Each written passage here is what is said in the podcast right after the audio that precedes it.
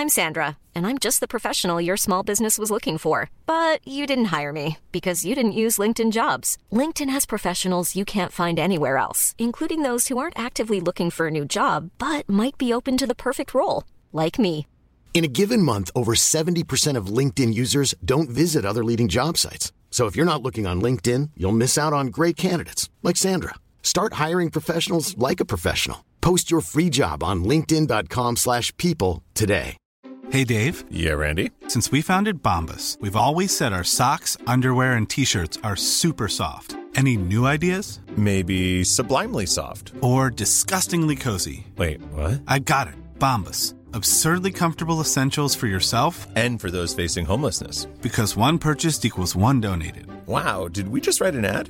Yes. Bombas. Big comfort for everyone. Go to bombas.com slash ACAST and use code ACAST for 20% off your first purchase. Ryan Reynolds here from Mint Mobile. With the price of just about everything going up during inflation, we thought we'd bring our prices down. So to help us, we brought in a reverse auctioneer, which is apparently a thing.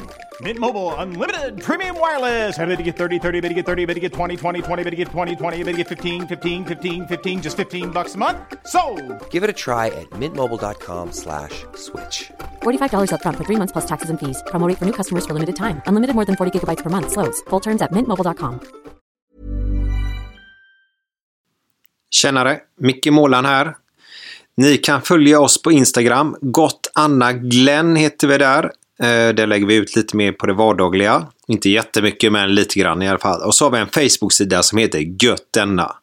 Till tävlingen. Vi söker ju en logga till själva podden Gött denna.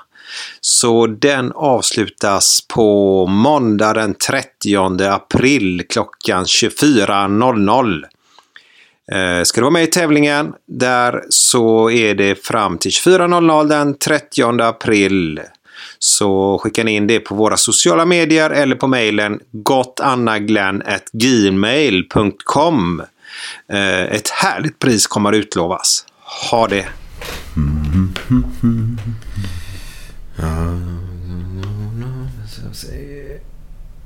It's funking så långt. Bara se om han dyker upp här snart då, Olof.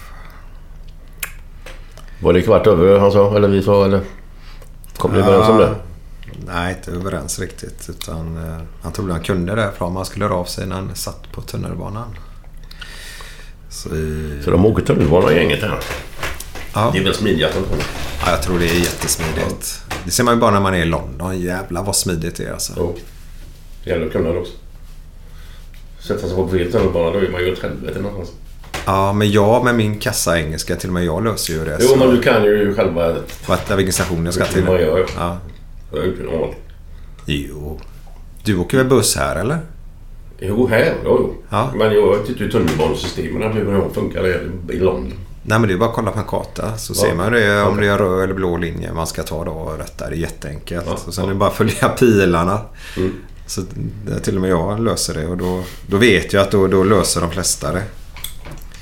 Ehm. fan, nu ska vi se. Får vi, drar vi iväg så vi hinner hem till eh, Och din kan vi match komma då? iväg tre så är fem åtta. Ja, sju kanske. Ja, det kan gå lite fortare. Med den bilen ja.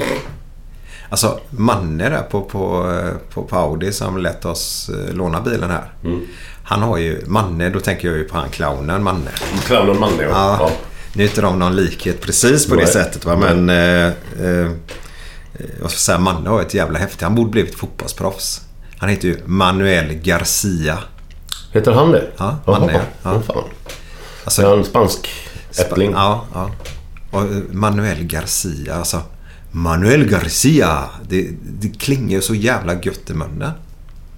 Mm. Det låter riktigt urspanskt. Mm. Men det är riktigt sån här... Eh, Men han ser inte så spansk ut tycker jag. Eller var det jag? nej, det gör han inte. Det gör han inte. Det, är- Och bilen är ju inte från Spanien heller. För den är ju inte manuell. det är roligt. Glenn. Det är, ju- det är ju sant visserligen så... Så, så, så då har du ju rätt i. Vad fan är det här nu? Jag ska se. Så gör vi.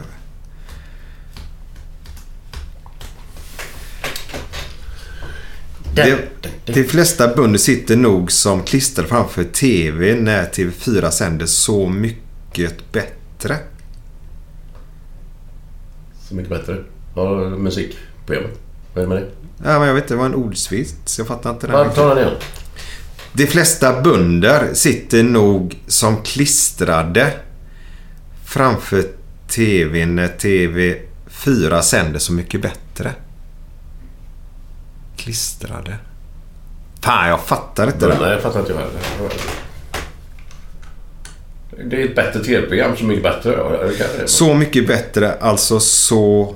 Så som i så frön. Då får vi läsa om den här nu då. Är du med nu då? Ja, ja. De flesta bönder sitter nog klistrade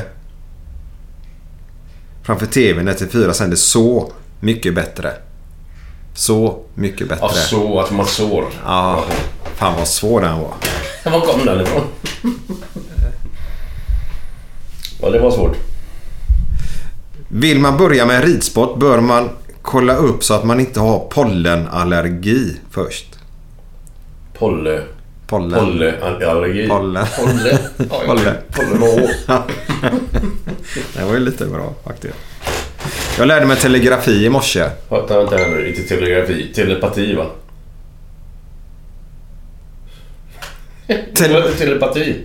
Nej. Telegrafi. Jaha. Du lärde dig telegrafi i morse? Ja. Jaha. Morse. Morse just Ja, då. ja. I morse. Ja, det var det.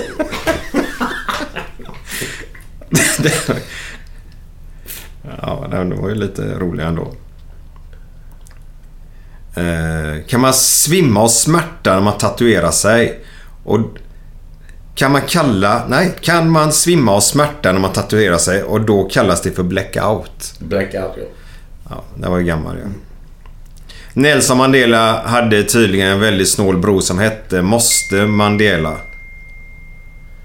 Måste man dela?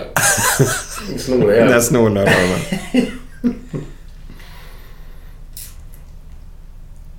Eh, ja, jag orkar inte längre. Vi Kommer får- det, är det sådana som har skickat in eller? Eh, ja, lite grann. Och så är det på en vitssida där.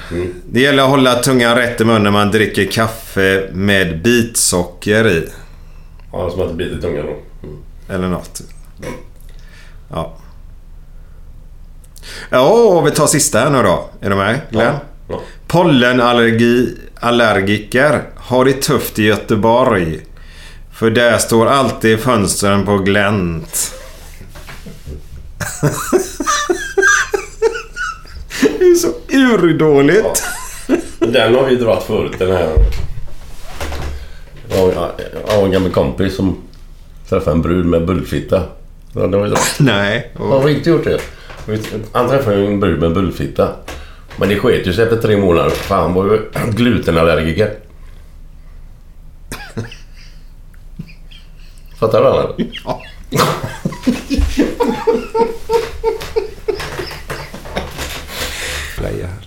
Jag har testat ljud och allt sånt så det Ja. ska vara okej. Härligt. Sitter, sitter du bra? Vill du ha kaffe Ja. förresten? Eh, nej, det funkar bra. Ja, vi kaffe Ja. eller juice eller te Nej, eller nej, någonting? jättebra. Ja, grymt. Ja. Välkommen Inga bira heller. Nej, Ja, det är den tog lite- slut igår. Ja, nu kör vi. Nu är det fredag. Nu är det fredag! Nu är det Götterna. Götterna. Direkt från Göteborg. Med Micke Månaden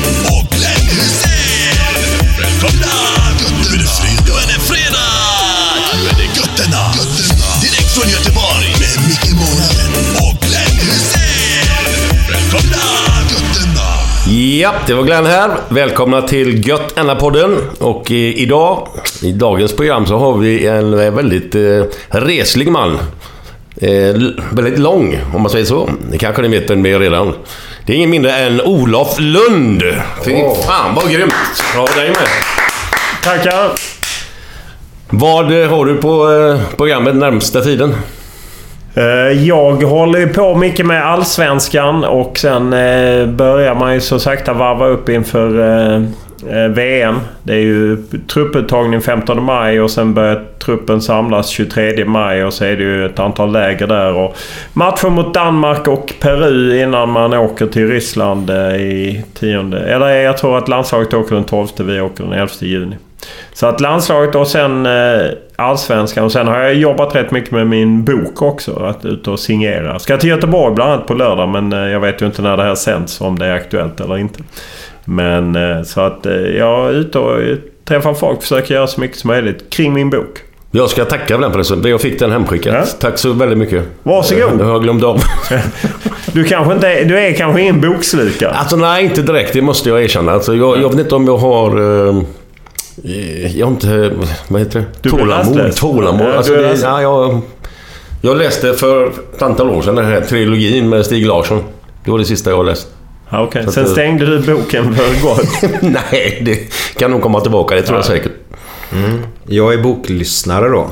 Så jag lyssnar på din bok just nu. Ja, den, nya finns bok- ju Storytel, Bookbeat och Ja. var man nu lyssnar. Det är ju väldigt växande märker jag. Folk hör av sig och att många som lyssnar på boken. Det är ju jag som har läst in den också. Ja, jag vet. Och då blir det lite...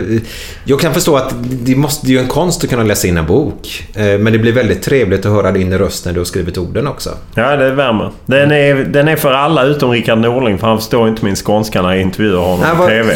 vad är det som händer? Jag, jag gillar ju Rickard Norling. Jag ska berätta till en annan podd. För han, för han är ju lite skön på sitt sätt. Han är absolut skön, men det kan ju hända vad som helst. För det var ju när han eh, frågade mig... Jag frågade om matchen mot, jag tror det var när de hade slagit Dalkurd. Och eh, då frågade jag honom vad var det som avgjorde? Och då kontrade han med idag. Vilket ju, det var ju rätt givet. Jag, Mm, att det handlar om den matchen. ja, eh, Men då sa jag, ja id- idag sa jag. Och då sa han idag! Hånade han mig. Men det är tur. Vi skåningar får ta som skit. Det hade inte gått att håna någon annan. Kanske en göteborgare. Ja, oss, oss kan ni försöka håna om ni kan. Men det är ju inte så himla lätt att håna göteborgare. För vi tar det inte så himla allvarligt om vi skulle bli hånade. Nej, Nej, och sen, Nej, jag har fatt, sen överlevt fattar vi inte hela grejen heller. Nej. Nej. om någon ska håna så vi begriper inte riktigt. Nej, det är sant. Det är sant. Men vad är där hård? hård eh, du, du är uppvuxen i Landskrona eller? Nej, herregud. Eh, Det, är en miss, det är ett missförstånd. Bara för att jag håller på Landskrona Boys så är jag inte uppvuxen där. Nej, jag är uppvuxen i Lund. Jag har faktiskt aldrig bott i Landskrona. Men det som är kopplingen till Landskrona är att min pappa är född och uppvuxen i Landskrona. Och han... När jag var sex år så fick jag en eh, boysdräkt av den som var ordförande då som hette Claes Munk av Rosensköld. Eller egentligen, jag tror faktiskt av hans fru Dagmar. Eh, och eh, det gjorde att... Det var min jungfrusil. Sen har jag hållit på Landskrona Boys sen dess. Men det efternamnet har ingenting att göra med staden, eller? Lund? Nej, Du är uppväxt i Lund, Ja, eller? precis. Nej, jag heter ju Lund med H och det är Ja, inte staden. ja, okej. Men eh, min farfars far drev kondis där en gång i tiden. Lunds konditori. Jag vet fan. Nej, jag har ingen aning. Jag har inte släktforskat heller. Men där tänkte jag, Lund är ju en eh, stor handbollsstad. Ja, jag har spelat i Lugi också. Ja, det var därför jag tänkte fråga här nu lite grann. Hur såg din uppväxt ut med, med idrott? Nej, men jag spelade här mycket handboll. Jag gjorde väl någon... Eh, spelade lite fotboll, men alla spelade handboll. Mm. Eh, och jag spelade i Lugi och... Eh, det fanns ju två klubbar, Lugi och H43. Eh, Blåklockorna, de spelade man inte i. Utan man spelade med Lugi. Och eh, jag spelade med en årgång 66 som var väldigt framgångsrik. Eh, jag var inte så framgångsrik så jag spelade en del, mycket bänk och en del i lag 2. Men eh, av de 66orna var det många som nådde landslaget. Kan du namndroppa lite? Axel Sjöblad som ju var med och vann VM-guld 90 och OS-silver 92 och, så. Han spelade på linjen precis som jag. Och sen var det ju Pelle Kjell och Daniel Roth, Patrik Åsvärd och många av dem spelade många år i elitserien och även gjorde en hel del landskamper. Du, den är... Eh, Bast, Basti Rasmus. Ja, han är från Ystad. Det är helt annat. Är det Ystad? Ja, det är Ja, som okej. Hisingen ungefär. Är det så, är det så jävligt? Precis, det är så jävligt. Så fattar fall ni det. Ja, ja, ja. ja. Men det är lite intressant det med H43 Lugi där. Alltså, har man valt klubb när man är liten så, håller man sig till den klubben. Är det verkligen vattendelare där nere i Lund? Ja, det har ju varit... eh, Nu har ju H43 gått i konkurs så att... Eh, men de har en fantastisk ungdomsverksamhet fortfarande. Ja, men lite vattendelare är det och eh, ska man... Eh, ja, men det, man kan väl säga att Lugi är mer akademikernas lag. eh, H43 är mer icke-akademikernas lag. Om man ska hårdra det lite. Och så finns Lundagård också, en tredje klubb som framförallt på damsidan varit duktig och en del av Lund som men eh, det är Lugi som dominerar. Mm. Och du spelade linje. Var du lika lång på den tiden om man säger i din eh, vet du, det, årskull? Relativt lång, eh, men hade ju inte... Jag var jävligt ful också och när jag spelade i lag 2 så brukade jag... eh, vann jag både skytteligan och utvisningsligan. Det är ju ändå starkt jobbat. Men jag hade ing, jag har ingen vidare utvecklad muskulatur och jag väntar fortfarande på den muskulatur som pappa sa när jag var liten att det kommer när du blir stor. Och jag är 51 nu, den har inte kommit än. Nej, jag känner igen Tror du det att den dyker upp någon gång? Nej, jag tror att det tåget, muskeltåget har gått. Jag, när Gud delade ut muskler så blev det inga över till mig. Nej. Och där är det lite synd med, med barn som växer upp idag som alltså, genetiskt sett då inte har, kanske får den muskelmassan.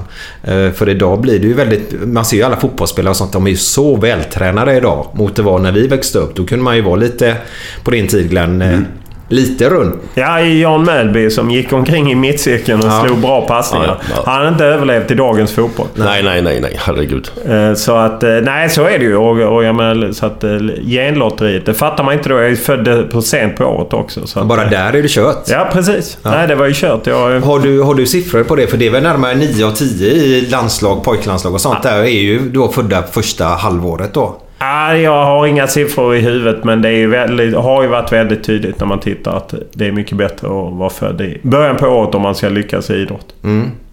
Så att då får man kompensera det med att göra någonting annat. Ställa frågor Men, till det idrotten. är idrott överhuvudtaget eller just handboll, fotboll eller? Nej, idrott överhuvudtaget så är det klart att om du är född i 10 januari och du är född i slutet på december så är det klart att det är skillnad men du går i Ja. samma åldersklass. Eh, vilket ju är rätt ologiskt när man tänker efter. Och eh, det kan jag väl säga att det var ju jävligt bra att vi var så många som spelade handboll så vi hade ett lag två som man åtminstone fick spela. För egentligen var ju det... Det var ju mycket bättre att man fick spela än att jag satt på bänken och hoppade in en minut på slutet eh, och missade något läge och alla blev sura. Eh, så att då är lag två på, den sätt, på det sättet är det ju bra med nivåindelning i lag och så kan man ju ändå träna ihop och, och så. så att, eh, det måste man väl vara lite öppen för. Eh, Sen eh, finns det ju alltid de här känsligheterna. Jag vet så väl eh, när lag 1 de åkte till Österrike på turnering och såg bland annat, detta var våren 1979, så de såg Malmö F, eller Austria Wien, Malmö FF Europacupens semifinal. Vi lag 2, vi åkte till Blekinge. Nej. Jo. Livet är orättvist. Just diskriminering, Ja, alltså. ja. Eh, Och sånt måste man kanske... Det sitter fortfarande inetsat i mig. Det är en liten tagg. låg, ja, låg någon jävla stuga i Blekinge. Det var inte så jävla roligt. Karlskrona mot Wien. Det är ju roligt det här. Ja, Men du du- tycker det är roligt? Ja, ja. Men du spelar, spelar Lunds fotbollslag spelar de fortfarande på Klostergården? Ja, absolut. Har du varit där med Ja, jag- Gais eller? Jag har varit där med Gais och med Utsikten också. Ja, just det. Jo, de spelar där. eh, Klostervallen som de har byggt om, eh, Lunds BK. Det, jag brukade faktiskt cykla... Jag har alltid varit oerhört intresserad av fotboll eh, och jag brukade åka ner där och kolla. De var lite så på gränsen till det som nu heter Superettan och var väl uppe någon sväng Superettan och också lite kupplag som skrällde mot lite lag. De tog lite gamla fördettingar från Malmö FF.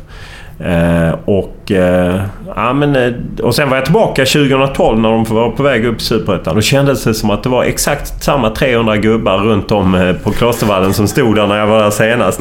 Tidigt 90-tal. Ja. De kämpar i skuggan. För det första är det så. Lund som idrottsstad där är inte idrott så högt klassat i och med att det är universitetsstad. Man tycker att det är viktigt. Idrott, det är ju det är ju bra att man idrottar men det är inget man lägger pengar, tid så mycket på. Så att, och då är ju handboll är ju okej, men fotboll, nej. Det har varit... Ja, förvisso tagit fram Martin Dahlin och Leif Engqvist och eh, Roger Leif Ljung. Engqvist. Leif Engqvist förstörde VM 90 1990, eller hur Glenn? Får vi sanningen nu? Nej, jag kan inte påminna mig om vad du är ute efter riktigt bara. Nej, vad nej. var det? Nej, Alltså, jag- nej, men han- det- han nej, nej, gnällde bara. jag vet inte vad du menar. bara. Nej, jag skojar. Men han gnällde efter VM 1990 att han borde spelat med. Jaha, jaha. jaha. Ja, Ja, det, med en VM-trupp. Man kan väl säga att alla borde spelat den turneringen utan någon som var där. Ja, utom utan någon som spelar. Nej, jag spelade inte första matchen. Nej. Gjorde du inte det? Nej, jag var på bänken då.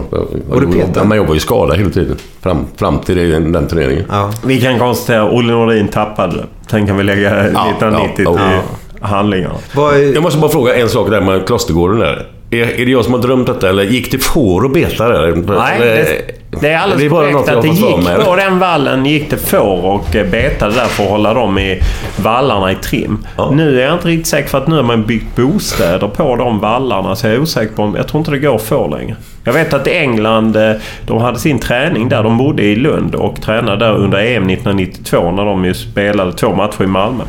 Eh, Då gick det få där också. Kanske det som fick Gary Lineker ur balans. Ja, det var ett härligt eh, EM. Ja, det var det. Kommer du ihåg mycket av det? Ja, jag såg eh, faktiskt alla Sveriges matcher. Jag, var, jag hade inte börjat som journalist då, så att jag var faktiskt på plats VM 90 och såg Glens två matcher där.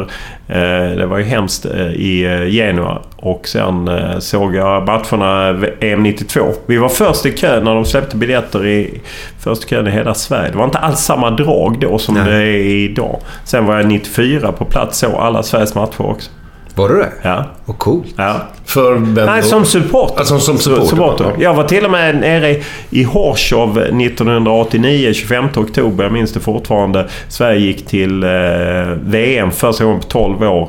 Eh, slog Polen borta 2-0. Petter Larsson drog in en straff och tack vare Jocke Nilsson gjorde sådana jävla dribblingsräder. Jajamän. Blev fälld. Ja. Petter Larsson fick ta äran åt sig och slå in straffen. Och sen Johnnys ruff på andra halvlek. Enda gången han blev sketen på utsidan låret. Ja. Han gjorde en glid, han glida på planen för att Ja. få med sig den ena Ja. regeln. Ja. Det var fan, vi spelade den matchen då. Ja.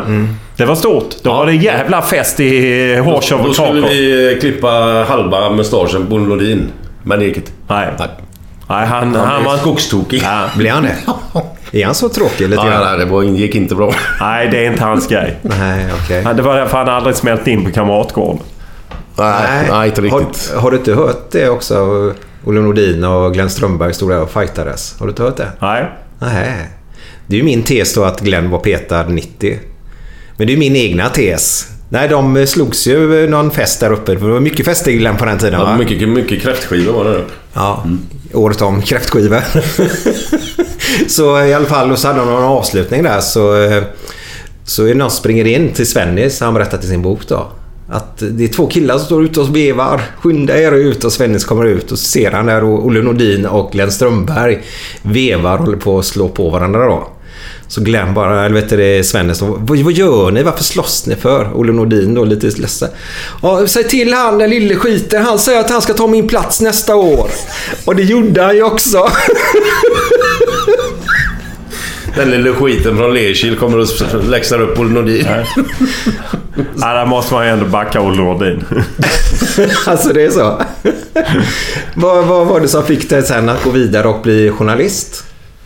Ja, herregud. Hur långt har vi? Eh, nej, men jag visste inte riktigt vad jag skulle göra med mitt liv. Eh, Och i, i Lund så är det lätt att man läser vidare. Eh, där läser man kanske lite för mycket. Och, eh, så jag läste vidare lite på universitetet. Visste fan inte vad jag skulle göra. Och sen jobbade jag i restaurangbranschen eh, mycket. Var bartender och drev klubbar. och Rockklubb och svartklubb och det ena med det andra. Oj, berätta.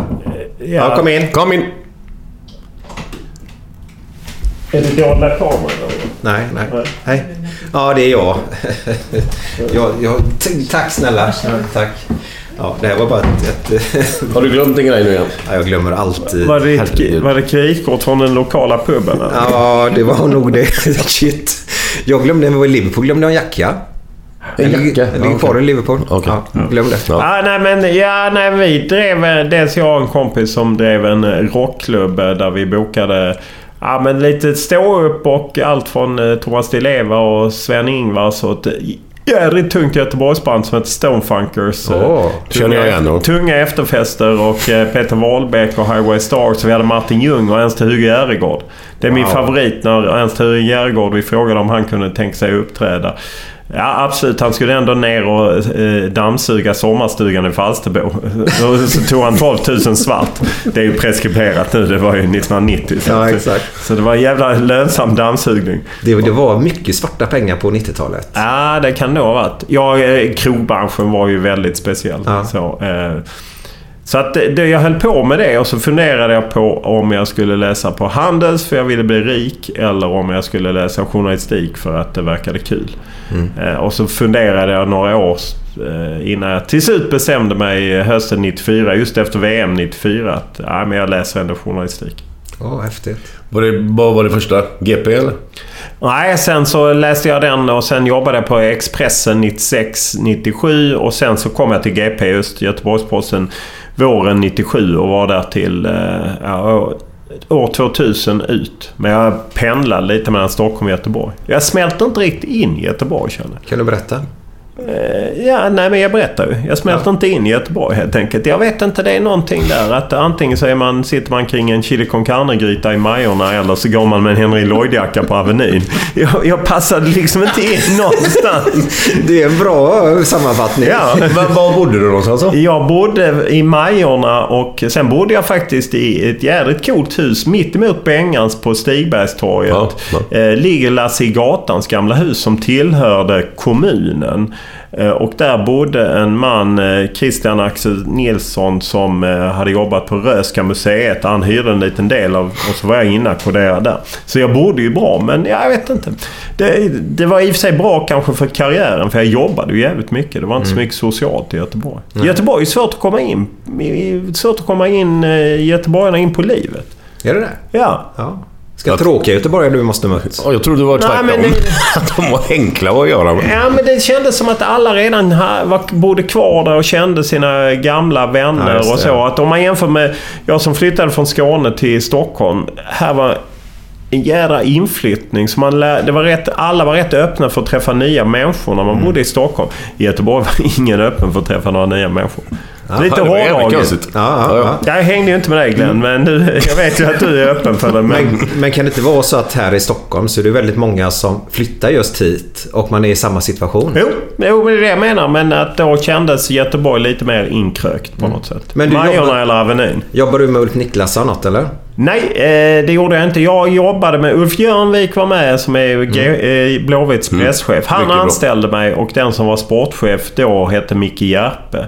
Och de som, Järpe? är, de som är riktigt gamla minns att detta slutet på 90-talet var en enorm strid på eh, eh, blå, på GP sportredaktion. Jan Hansson Mm. fick sluta och ja, det var... Jag la mig inte i det utan jag jobbade. Det var ju skitbra för mig för då blev det stora ytor för mig att åka på i tidningen. Mm. Så att jag, ja, jag tyckte det var, det var ju jävligt spännande år och vi åkte ju på mycket landskamper och grejer. Så att, och Mats Härd kom dit som krönikör och Ja. eh, Henrik Lehmann jobbade jag med. Jag Satt mitt emot Henrik Lehmann. Det var ju många. Peter Pettersson Kymmer och... Han är i Frölunda nu va? Ja, Ja, det precis. var han... Ja, det var ju han. Ja. Som vi fick Och eh. Ulf Stenberg var där. eh, Sport och spelspalten. Och, Ja, just det. Mm. Han, eh, Ulf där, eh, han hade ju en krönika varje vecka. Han pratade Mm. Ja, om det. Sport och Spelpalt. Ja, ja. Ja. Den var ju... Alltså jag saknar den så otroligt mycket. Ja, jag håller Sicken med. härlig... Han, han kunde ju risa folk så det sved. Ja, ja. Nej, och jag, även jag har fått mina... Vi var vänner ett tag men han blev eh, lite sur på mig sen. Så att, eh, han kunde risa på rätt bra. Men jag håller med dig. Det var ju någonting som stack ut i Ja. tidningen. Lite sälta, lite... eh, Och han... Han skrev på ett bra sätt. Ja, dels det och sen så var han ju rätt... Eh, han tog inga fångar och det måste man ju leva efter den devisen om man ska ha en sån spalt och om det ska vara någon, någon verklig tid. Men du Järpe, hur väl kände du honom? Inte jätteväl, eh, men han var ju där på eh, GP i slutet på 90-talet, men slutade efter ett tag. Och, ja. Väldigt speciell person. Ja, ja, ja. En jävla skön gubbe Ja, alltså, men... ja, precis. Han hade mycket visioner och mycket tankar. Sen Ja. fick han väl inte ut allting. eh, Och Jörnvik som jag känner betydligt bättre, eller kände betydligt bättre då. Som jag tyckte var jävligt bra. Han slutade ju ganska... Det var lite stormiga tider liksom på Det har varit länge- stormigt där länge kan jag Ja, det har det ju varit. Det har inte avstannat. Även fall nu känns det som att de är på gång. Och jag, de har ju tagit ett par killar från oss på Fotbollskanalen. Först Fredrik Janlind och sen Linus Pettersson. Och de är ju duktiga som katten. Framförallt Linus är ju oerhört skicklig. Det sved när vi tappade honom. För att han hade bra koll på Göteborgs fotboll. De hade lite skattepengar då. Kunde casha över honom med kanske. Ja, du menar att de fick hjälp? Ja, nej, jag... Usch, hela det Jörnes... eh, Det lämnar vi därhän. Det lämnar vi där. Vi kör lite fredagskänsla grabbar. Tycker jag definitivt.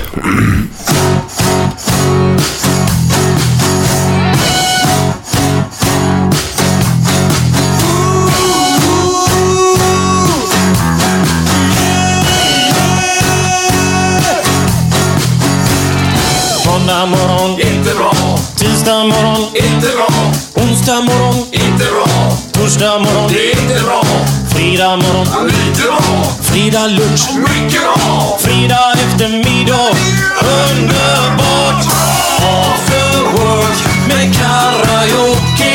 Man får en öl och pyttipanna.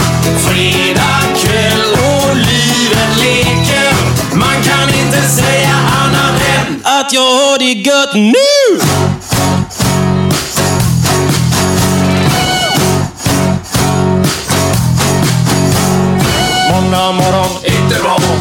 Tisdag morgon, inte bra. Onsdag morgon, inte bra. Torsdag morgon, inte bra. Fredag morgon, lite bra. Fredag lunch, mycket bra. Fredag eftermiddag, underbart bra. After work med karaoke. Man får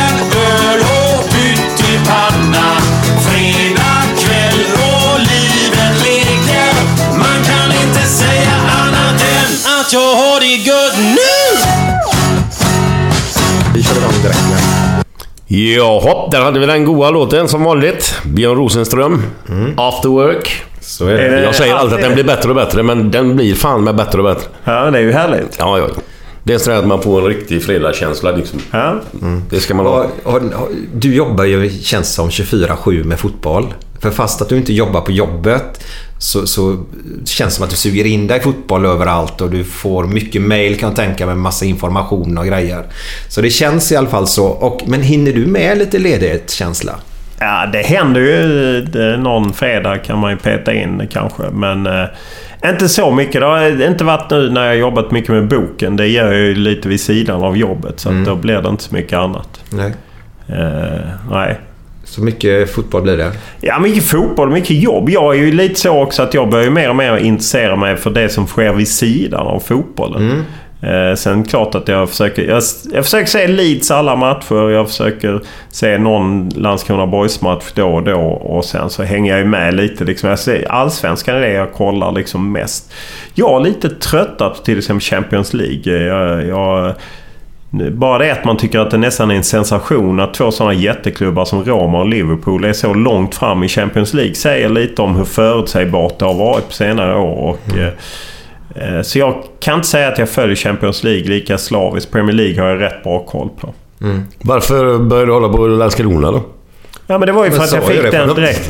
Jag sa ju det. Sexa fick ju sin jungfrukil. Ja, jungfrusil är när man tar den första Alltså knarkdosen. jaha, jaha. Då började jag... Okej. Ja. Ja, det är, ibland tar det ett tag innan polletten trillar ner. Men jag, som sexåring fick jag alltså en dräkt i Landskrona Boys. Ja, ja, alla höll då på Malmö FF. Detta är 70-talet Ja. där Malmö dominerar. Dessutom ska då sägas att eh, då var ju Landskrona ett etablerat eh, allsvenskt lag. De hade vunnit kuppen, tog ett par allsvenska medaljer. Spelade ju Sonny Johansson på topp. Han gjorde ju över 10 mål i snitt i 10 allsvenska säsonger. Personligt förföljd av Georg Åby Eriksson. Jag har aldrig förlåtit Åby för. Han fick inte följa med till VM 78. Skandal! Eh, Sonny och sen var det Gyxa Gustafsson, eh, pappan till Jens Gustafsson som nu tränar Norrköping. Han slog alla passningar. Och så min favorit, Claes Kronqvist. Ja, ja. Han eh, sprang som en kärring men sparkade som en karl. Allsvenska, allsvenskans mest utvisade spelare innan Mats Rubart körde om honom. Han hade sju röda kort. Ett fruktansvärt råskinn med en fantastisk eh, profil. Ronny Sörensson i mål. Göran Pettersson. Det är inga sådana du har mött? Per Jo, för fan. Jag har mött dem allihop. Ja, ja, ja, ja, ja. Men jag kommer inte... Vad fan heter han? eh, Det var en annan målvakt. Eh, Sören. Var det inte någon efter honom som var känd också? Ja, okej. Eller? Är det jag Nej, jag tror inte Ronny Sörensen. Ja, det har nog blandat ihop. Nej, jag tänker på fan Tony Ström. Han stod Det i Kalmar. Ja, Kalmar och Malmö Ja, FF. Ja, ja, Ja, det är en annan. Han har en jävla fin mustasch som man ser i sådana filmer du kollar på Glenn. Som jag kollade med den gamla Ja, ja, porrserien. precis. Tyska. Tyska porrfilm, det är Glenns favorit. Det har han berättat många Vad är det gånger. han heter? Jer- Jeremis? Eller vad fan heter han? Ja, ja, ja. Porrskådis. Nu är jag ändå inne på det. Ja, ja, det kan jag. Det är Kan, Jens jag. Jeremis, eller vad fan Ja, det är heter bara du som kan det här. Det Det är bara ett München som hette något Jeremis också. En bra okej. spelare. Ja. Men, men det var också en porrskådis som hette Ja, okej. ja, det är... Ron Jeremis. Ron. Ron heter han. Ron Se vad Jeremis. glad han blev när han kom på det. Metoo har flugit över huvudet på Glenn Hysén utan att det har märkts överhuvudtaget. Över Ja, ja, eh, ja. puben Paddington. Ja, den känner du till? Ja, ja, är klart man kan dina det, när, när du hade rockklubb själv där nere. Eh, var, det, var det mycket krökande och så på den tiden? Ja, men det, restaurangbranschen har ju den faran att man lätt dras in i det. Och vi drev, på slutet drev vi en egen restaurang eh, som... Ja, det var rätt kul, men jag kände att liksom...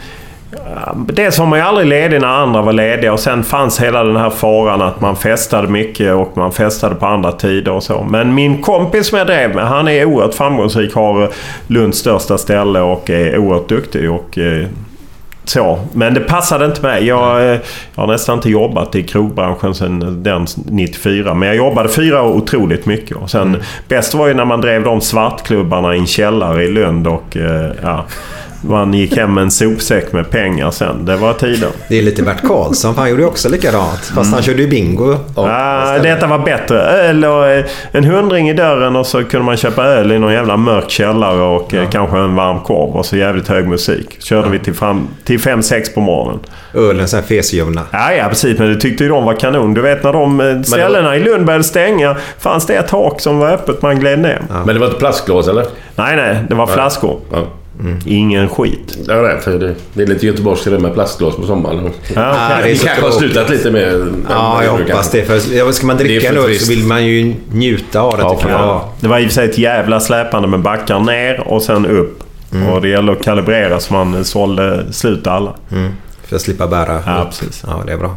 Vad, men sen din karriär där med, med journalisten och eh, journalistiken då. Och så var du klar i Göteborg så slapp du ju det. Och så åkte du upp till Stockholm. Ja, jag minns fortfarande hur jag ställde mig där vid det jävla motet vid Örgryte, Öjsgården. Och så ställde jag mig och tittade på Göteborg liksom bakåt och så bara skrek jag av glädje för att jag skulle flytta därifrån. Var det så? Ja. Oj. Ett sånt riktigt primalskrik. Jag hade tömt mitt rum på, eh, i Lasse i Gatans hus. Ja, Sorgligt låter ja. det. ja fast Men men alla kan ju inte vara göteborgare. Hur fan skulle det hur, se hur länge bodde du i Göteborg? Tre och ett halvt år. Tre och ett halvt år. Ja, men jag pendlar ju mellan Stockholm och Göteborg. Ja. Så att, men eh, ja, nej men ja. Varför pendlar du? För? Ja, därför jag hade min eh, sambo och eh, senare fick vi ett barn. Så, ja. Men det var rätt bra för att då hade man jobbet i Göteborg så hade man liksom det sociala. Eh, Då kunde man hålla det. Det är svårare när man har jobbet och i samma stad. Så att, nej men då åkte jag upp och lite faktiskt på vinst och förlust sa jag upp mig för att jag bara kände att jag hade tröttnat på Göteborg. Och lite också tröttnat på, på morgontidning. Därför att eh, på något sätt så bestämdes morgontidningen klockan nio på morgonen. Att nu ska Olof gå på den matchen och Ulf Stenberg gå på den matchen och, och de får så och så mycket utrymme. Och så spelar det ingen roll om man kom tillbaka med ingenting eller en skitbra grej. Det blev lika stort i tidningen. Jag saknade Aha. den dynamiken.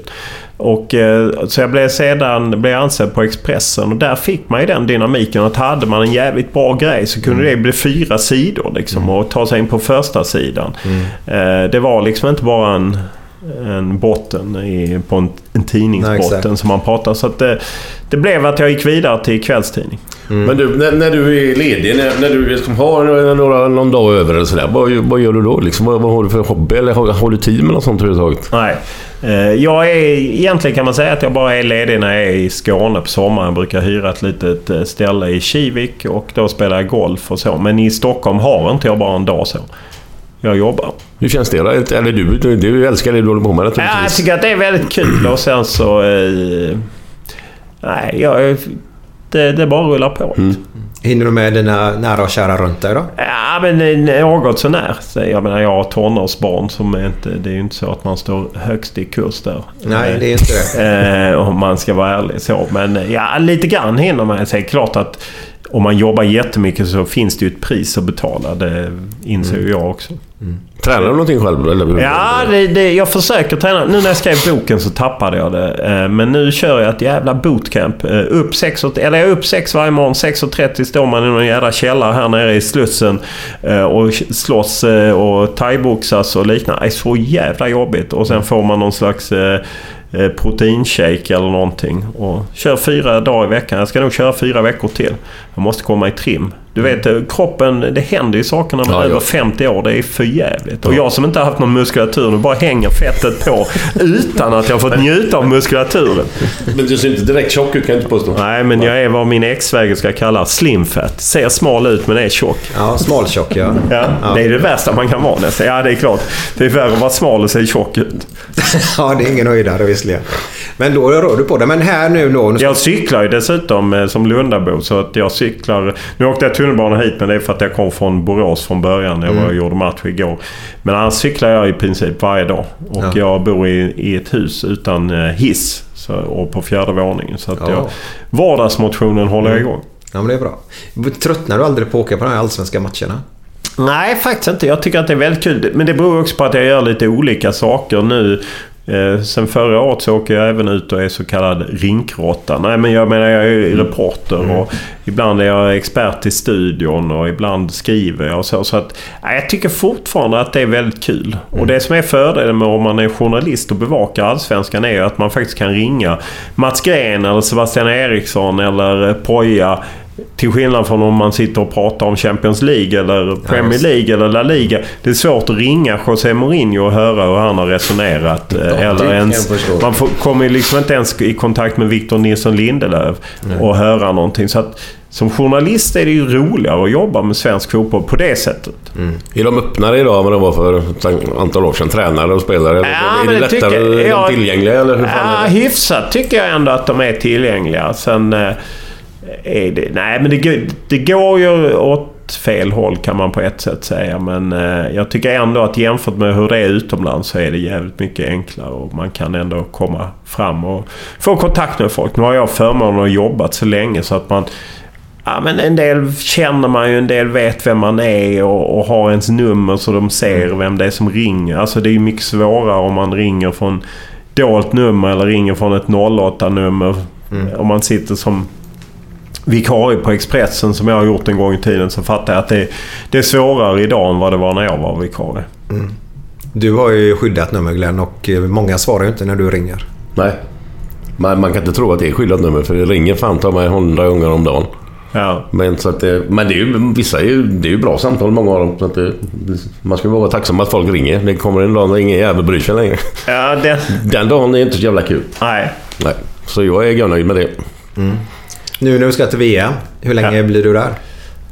Det vet jag inte riktigt. Eh, Jag åker den 11 juni och eh, Sverige åker väl ut den 27 juni.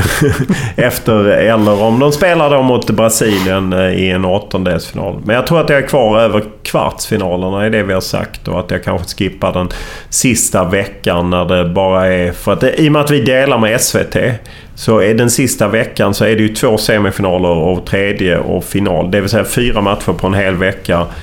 Det finns rätt svårt att komma åt de lagen för det är rätt mycket journalister från hela världen kvar. Eh, De är kvar. Det finns bara fyra lag kvar och bara två matcher. Det vill säga två sändningar för oss. Så det är möjligt att jag skippar den sista veckan. Men ska du vara nere på inneplan då, eller? Ja, Jag tror det är sådana detaljer som jag inte vet. Nej, nej, nej. Jag är där... eh, Jag gör bara vad de säger till mig helt enkelt. Ja, vad härligt. Mm. Eh, men där, är det i EM man inte har tredjeprismatch? Är det så? Ja, det har man inte i... Va, va, vet du det? Varför? Nej, jag tycker det är lite tråkigt. Av tradition så har man inte haft det i EM. Jag vet att TV-bolagen velat ha det därför att man skulle få en match till. Men jag vet faktiskt inte varför de har hållit, hållit emot. Jag tror att det, en del nationsförbund tycker att det är en meningslös match. Jag tror att det beror på om man är en mindre nation som Sverige där en bronsmatch ändå är någonting. Än om man är Tyskland så kanske man skiter i det. Jag vet faktiskt inte.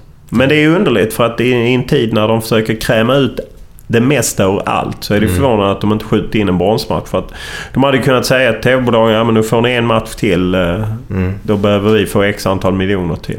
Vem vinner VM? Jag har otroligt svårt att gå runt Tyskland eh, med tanke på att det dels spelas i Europa. De gjorde ett sånt otroligt bra för VM förra året och då kom ju ändå Joakim Löw med nästan en en- C-uppställning. Ja, de har ju fantastiskt mycket. Samtidigt verkar Brasilien vara väldigt på gång igen. Så att det känns ju som att det står mellan de två. Klart man inte kan räkna bort Argentina med Messi, men de hade ju oerhört svårt i, i VM-kvalet. Och, nej, det känns som de två. Frankrike har ju fantastiska spelare, men av någon anledning så lyckas de ju sällan som kollektiv. Om vi, Det är klart 98-2000 finns ju, men annars är det ju ofta att de trycker på någon självdestruktionsknapp och börjar bråka internt eller något. Ja, de är ju kända för det kan man väl säga utan det. Där har de odiskutabelt OS-guld och VM-guld i att slås internt. Ja, Var inte det eh, ett VM när de strejkade? eller? Jo, det var VM skulle åka hem på fan, 2010. hade vi- Sydafrika. De satt kvar i bussen. Ja, de skulle åka. Domenech och det var bråk och det var Anelka och ja, Anelka blev ju hemskickad och flera av spelarna blev avstängda. Det var ju till och med parlamentar... Eller... Det var ju till och med utfrågning av politiker efteråt och ja. Nej, det är... Det är något speciellt med fransmännen och strejker. Det här gillar ju du tror jag säkert för i- i- du sa det själv lite grann, du var ju intresserad mer och mer kring fotbollen vid, vid sidan av istället, istället för själva fotbollen. Vad är det som har gjort ditt intresse och gått åt det hållet? Ja, men det är ju det är ett fascinerande skådespel. Första gången jag verkligen slogs av det var när jag bevakade eh, Fifa-valet 1998. Eh, det är ju så länge sedan så jag inser att, nu vet jag i och för sig inte vad ni har för målgrupp. Det är kanske äldre människor men eh, det är ju 20 år sedan. Lennart Johansson, före Uefa-basen, tampades ju då med Sepp Blatter om att bli Fifa-president. President för liksom hela skiten. Och... Alltså de scenerna när man var på plats där i Paris de dagarna innan och det, kohandeln och... Eh, eh det gick att liksom ta på makten och pengarna och liksom... Det kom ju sen ut uppgifter om att, eh, att Blatter och Fifa hade ju betalt ut pengar. Nog riktiga pengar på det sättet att det var liksom Fifa-pengar. Men de gav det till olika länder i Afrika och liknande i förväg så att de skulle rösta på det sättet. Och så gick det säkert till. Och Ja, det har gjort att det, det, det görs en jävla massa skit i mm. fotbollens namn. Men som vi inte alltid tar till oss. Eh, vi vill inte se det. Vi vill inte liksom låta det skita ner sporten. Men jag, mm. jag blev fascinerad av det. Att den mänskliga drivkraften att kunna göra vad som helst för framgång. Inte, I Sverige är det ofta så att man kanske gör tveksamma saker. Kanske inte av för att man själv ska tjäna pengar. Utan mer för att man, man drivs av att man tror att klubben ska gå bra eller på något sätt. Mm, mm. Men hur långt in i den här skiten kommer man då som, som journalist? Liksom, hur långt kan man Ja, det... innan, det, innan det kommer en... Eh, nu är det bra liksom. Men, ja, men det är ju eller... svårt att komma långt in. Men jag eh, tycker ju själv att eh, den boken du inte orkat öppna. Men du kan ju bläddra en 30 sidor in så kan du i varje fall se de handskrivna kontrakten när Malmö FF värvade Afonso Alves från Örgryte. Och där man ju lovar Afonso Alves 350 000 dollar svart i bonus i Brasilien. Eh, en affär som liksom... Jag menar, Malmö vann SM-guld med Afonso Alves. Man tjänade 60 miljoner på honom genom åren sen man sålde honom till RFN när han gick vidare till Middlesbrough. Det är ju en rätt intressant affär eftersom, särskilt ni som kom från, från Göteborg, att en månad tidigare så värvade ju eh, Blåvitt Peter EJ och hade den här prestationen på Stora Teatern tror jag det var. Mm, och, ja, det. Ja, eh, och ni vet hur det slutade med fängelse för Janne Nilsson och Mats Persson och kaoset som blev. Och då kan man ju säga att egentligen gjorde bägge klubbarna samma sak. Mm. Det vill säga att de värvade varsin anfallare, stor anfallare. De rundade reglerna. Den ena åkte dit, den andra klarade sig. Det med rätt stor skillnad i, i utfall får man ju ändå säga. Både för personerna inblandade och för hur det gick för klubbarna. Eh, så att det är ju en... Jag tyckte det. Jag fick det på mail, de kontrakten. Jag tyckte det var jävligt intressant. Men Sen handlar det om att få folk att berätta. Jag har med i min bok också Babi Stefanidis. Eh, gamla Djurgårdshjälten. Även spelade i Bröndby, MFF, Helsingborg, u landslaget Hur han, han spelat bort allt han äger och har. Mm. Och därmed också blivit av med sin familj. Och, ja, ja, men den tragedin. Att eh, fotbollen går hand i hand liksom med, med Svenska Spel och, och många jobbar med spel. Ja, det gör ju du också Glenn. Eh, och, eh, men liksom där det finns ju en jävla hemska öden på andra sidan av det. Mm. Vi, eh, jag eh, har ju jobbat med spelberoende och sånt. Mm. Eh, själv gammal speltorsk också. Vi presenterade för Svenska Spel, jag tror det här var 0607 just att vi ville uh, träffa Svenska Spel. Vi var uppe på deras kontor uppe i Stockholm. Och, Vilka är vi? Vilka är de? Eh, vi är jag och Jonas, en kille. Ah, okay. uh, och vi vill ut och informera just om spel och spelberoende och hur lätt det är att när du väl fastnar detta så är det ganska lätt att du blir köpt att du kan... Där vi är nu då matchfixning då. Som förekom också redan på den tiden. Eh, så, så vi gav det ett förslag till dem då, men det blev ju ingenting av det då. Men där är de ju idag istället för att få jobba med det då. Ja, precis. Och det, det är väl egentligen det som är min grundtes. Att om man inte vågar bekänna att man har problemen så kan mm. man inte bekämpa problemen. Att om man inte erkänner att vi har matchfixning så kommer vi aldrig komma någon vart. Sen är inte jag så naiv att jag tror att, att man kommer kunna ta bort alla problem som finns kring fotbollen. Men om man pratar om dem så finns det åtminstone möjlighet att göra det lite bättre. Mm.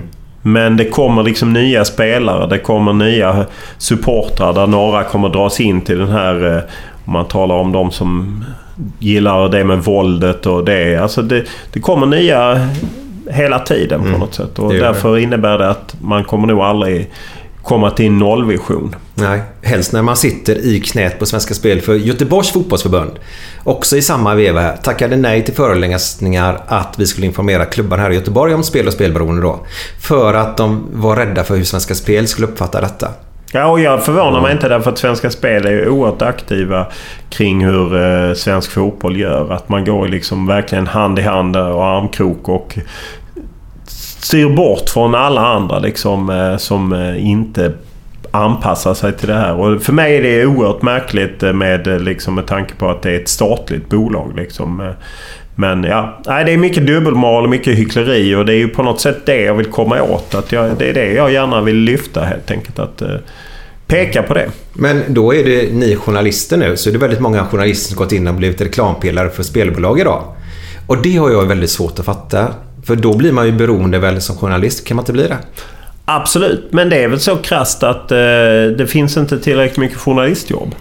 Eh, att om man ser till, liksom, eh, nu kan jag hänvisa till det eftersom jag lyssnade på ett program som heter Medierna som gick i lördags eh, och som handlade just om det här. Och då, där, de intervjuade min tidigare kollega Patrik Ekwall och där han ju sa att liksom, ja, men när han blev av med sitt han inte fick förlängt kontrakt med TV4 och han ska ha något annat att göra. 90% av de förslag han fick var från spelbolag. Och ja, då blir det ju lätt att man, att man går dit så att säga. Eh, Jag kan, jag kan förstå det och jag tycker att det är klart att man kan lägga ett ansvar på individen men det här är ju mer ett, en system också ett systemfel på något sätt. Att vi i media lever ju på, eh, på spelpengar. Att eh, under 2017 så gick... 2016 tror jag man la 3,4 miljarder i annonspengar, spelbolagen. 2017 la man 4,7 miljarder. Svenska Spel la mest, det är viktigt att säga. 500 miljoner. Eh, och det är klart att det lever ju vi i spel. Så indirekt lever jag på att eh, någon vill annonsera och visa odds kring matcher eller annonsera på Fotbollskanalen. Det vore ju för mig förmätet att då liksom säga att ah, det är ju för jävligt att Patrik Ekwall eller Sara Sjöström eller Zlatan gör sådana grejer. Men jag menar, då, jag kan ju inte blunda för att jag själv indirekt lever på det eller att det bidrar till min lön. Så är det. Men därför vill jag eh, försöka utnyttja min att skriva om det här, de här problemen. Liksom. Att vi alla är spelberoende. Staten också. Ja, men staten tar väl in eh, 7 miljarder från ATG och Svenska Spel enbart. Mm. Årligen. Sen får de stå på Idrottsgalan och dela ut en liten check. Ja, det tycker jag det gör mig så jävla upprörd. Den reklamfria televisionen SVT. Då får liksom VDn stå där med en check i ett par minuter. Det är Mm. patetiskt. Ja, det är faktiskt det. Ja, nej, men det är ju dubbelmoral så det sjunger om det. Vad gillar du själv att lira? Nej. Jag är oerhört tacksam för det. eh, Att jag inte har... Jag If you're looking for plump lips that last, you need to know about Juvederm lip fillers. With Juvederm Volbella XC and Juvederm Ultra XC, your lip look, whether it's subtle or bold, can last up to one full year with optimal treatment and no additional maintenance. Find a licensed specialist and see if it's right for you at juvederm.com today. That's J U V E D E R M.com. Add fullness to lips in adults over 21 with Juvederm Volbella XC or Juvederm Ultra XC. Do not use if you have severe allergies or a history of severe allergic reactions, or if you're allergic to lidocaine or the proteins used in Juvederm. Tell your doctor if you have a history of scarring or taking medicines that decrease the body's immune response or that can prolong bleeding. Common side effects include injection site redness, swelling, pain, tenderness, firmness, lumps, bumps, bruising, discoloration, or itching. As with all fillers, there's a rare risk of unintentional injection into a blood vessel, which can cause vision abnormalities, blindness, stroke, temporary scabs, or scarring. For full important safety information, visit juvederm.com. Many of us have those stubborn pounds that seem impossible to lose, no matter how good we eat or how hard we work out. My solution is PlushCare. PlushCare is a leading telehealth provider with doctors who are there for you day and night to partner with you in your weight loss journey. They can prescribe FDA-approved weight loss medications like Wagovi and Zepbound for those who qualify. Plus, they accept most insurance plans. To get started, visit plushcare.com slash weight loss. That's plushcare.com slash weight loss. Hey, Dave. Yeah, Randy. Since we founded Bombus, we've always said our socks, underwear, and t shirts are super soft. Any new ideas? Maybe sublimely soft. Or disgustingly cozy? Wait, what? I got it. Bombas. Absurdly comfortable essentials for yourself And for those facing homelessness. because one purchased equals one donated. Wow, did we just write an ad? Yes. Bombas. Big comfort for everyone. Go to bombas.com slash ACAST and use code ACAST for 20% off your first purchase. Spelade mycket när jag var ung. Eh, Då spelade vi, dels började med Stryktipset eh, och sen eh, spelade vi mycket på det som fanns då som hette Kesak och SSP som var två svenska firmor som fanns i London där man skickade... Först skickade man ju in pengar och så skickade man in sin rad. Det var ju viss fördröjning. Det var ju liksom inte... Det var ju inte, gick ju inte direkt och sen var det ju en stor revolution där man kunde ringa fram till klockan fem i fyra och lägga sina spel när man hade satt in pengar där. Mm. Eh, Och vi spelade mycket roulette och så också. Men jag på något sätt...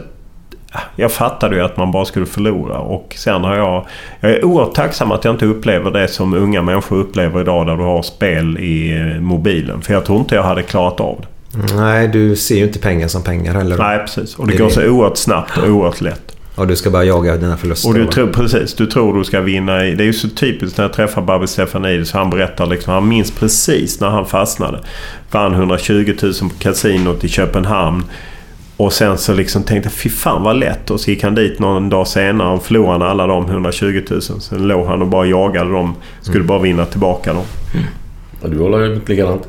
Ja, ja, ja. Herregud. Det är ju så oftast det börjar. Ja. Men- Nej, så jag, är- jag är oerhört tacksam att jag inte är... Jag har ett stående måltips som jag delar med min ena syster. Mm. Eh, och där hade man ju varit oerhört mycket rikare om man hade satt in de pengarna på banken. 50 kronor i veckan eller vad det är vi satsar.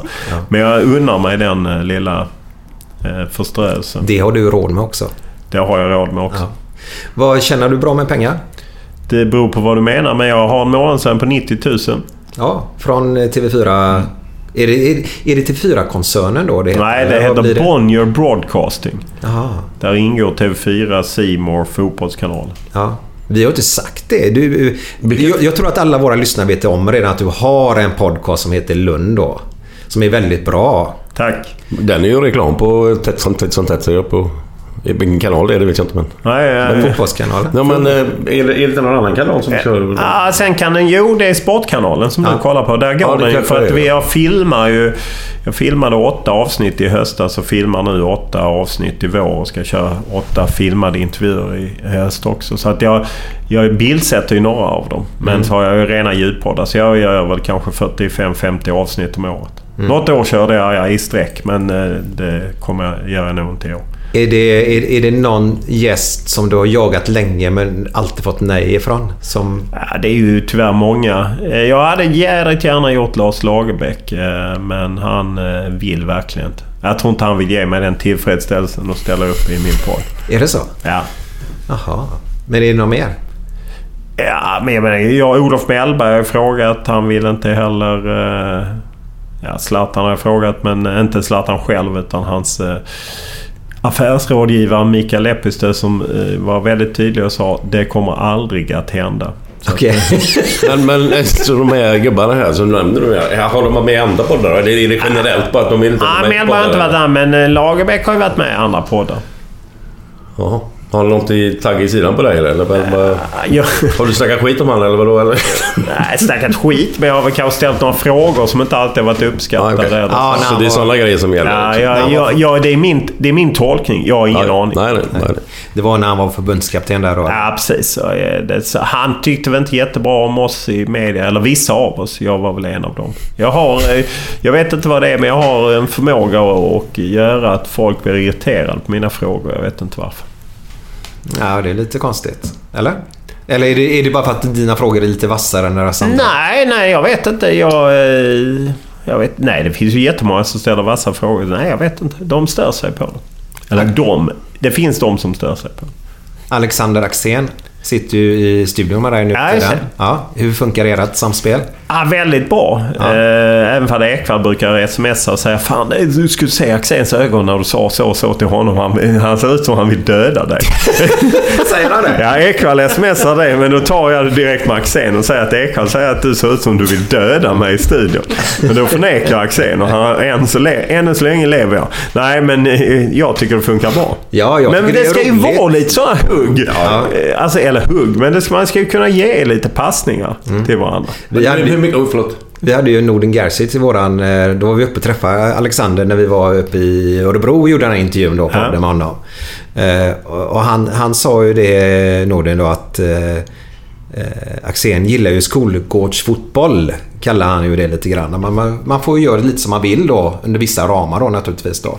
Och han har ju varit ute och huggt mot Blåvitt bland annat här matchen mot Hammarby i första halvleken var katastrof. Och ni började väl hugga lite grann du och honom där att du sa ju det, men den som gör mest mål vinner ju matchen eller något sånt där. Ja, precis. Nej, men det var just där. När han, han sa nämligen fotboll går ut på att skapa målchanser. Och hade en lång utläggning om det. Och då, kunde inte jag låta bli att säga att ja, jag som alltid trodde att fotboll gick ut på att vinna matcher. Det var då han såg ut som han ville mörda mig Det var enligt ja. Så du har noterat detta också? Oh, ja. ja, ja. Jag får kanske se mig om bakifrån. Nej, han är väl snäll. Jag får ögon i nacken. Du, hur mycket, mycket träffar du Patrik nu för tiden? Ni var ett jävla radarpar Ja, under vi en var lång ett jävla period. radarpar. Eh, Framförallt var vi ju, vi reste ju så jävla mycket ihop så att eh, jag kan inte säga att vi umgicks jättemycket privat. Men då hängde man ju mycket ihop. Ja, men vi brukar träffas käka lunch eh, med jämna mellan. Vi har ju kontakt fortfarande. Men det är ju inte som förr. Det är Nej, ju nej, inte. Tyvärr. Det var ju jävligt kul. Vi hade ju väldigt kul tillsammans. Funkar bra. Det är ju speciellt att jobba tätt ihop. När man till exempel är iväg eh, fem veckor i Sydafrika och det är ofta rätt stressigt eller liksom så. Då, han är ju väldigt bra att, att resa med och jobba med och så. Eh, Så att det funkade bra. En glad skit. Ja, det vet jag fan om han är, men han är ju Malmöbo. Men, eh, men det funkar bra. Ja. Vi är ju egentligen så långt ifrån... Alltså när vi växte upp, han är från Malmö och jag är från Lund. Det är liksom... Ja, det är som Hisingen och Göteborg ungefär. Jävligt långt ifrån varandra. Många Ni fattade inte Ja, ja, det skämtet. Jo, jo. Men du tog den förut. Ja, Många-. Det finns många hissingar där nere tydligen. Ja, nej, men Malmö och Lund är liksom... Det var eh, så jävla långt ifrån varandra man kom. Det är som Ekwall säger, de enda gångerna han var i Lund det var när de skulle in och spöa jävla sådana som mig då, utan muskler. Eh, men eh, han har aldrig spöat på mig då. Men vi, har, vi fann varandra när vi jobbade ihop, så det var jävligt kul. Varför blev det fotboll du ville följa och inte handboll? Nej, det, det, är så, det kan inte jag förklara. Nej, Eh, bara en känsla. Ja, bara, det, det var någonting som gjorde att jag fastnade för fotboll. När, man när jag var liten så följde jag ju all sport. eh, Men med tiden så blev det liksom fotboll. Jag har rest mycket på fotboll och jag åkte på mycket... Alltså som jag, jag började inte ens läsa journalistik förrän jag var 28. Så innan dess jag som sagt varit på två VM och ett EM och varit på många bortalandskamper. Jag åkte på Landskronas jävla matcher. Fan, en torsdag eller en onsdag upp till Frölunda och se dem få stryk eh, med 0-3 och sen sitta i den bussen hem. Ja, då undrar man om man tar bättre för sig. Härliga Rudalen. Ja, härliga Ja, Rudalen. den är rolig. Eh, och så. Så att jag har ju lagt mycket tid och, och, och varför det blev så vet jag inte. Jag, eh, det var någonting med fotboll som har något... Det finns någon dimension mer som inte handbollen har. Mm, handboll är ju lite mindre helt enkelt. Ja. Det händer lite mer i fotbollen. Men det händer andra grejer också Glenn. Olof sitter ju på sin ångest vet du. Ja, ja, visst.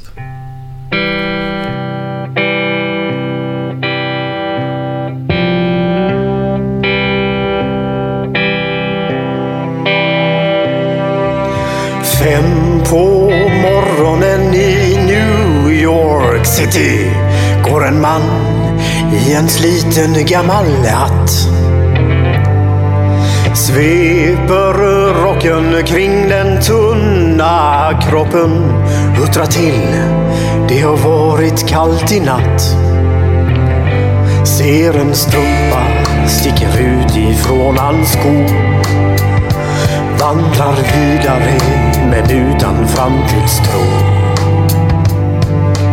Fem på granen i Hallonbergen står en kvinna med gråten i sin hals. Tittar håglöst in i morgonsolen. Hon är trött, hon har inte sovit alls.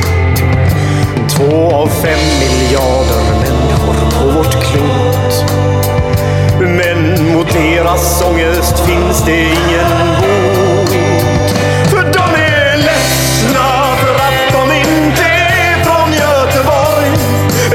Inte se hur Gustav Adolf spekar på sitt torg. Inget fel på att vara idiot men inte riktigt rätt ändå, det vet de allihop.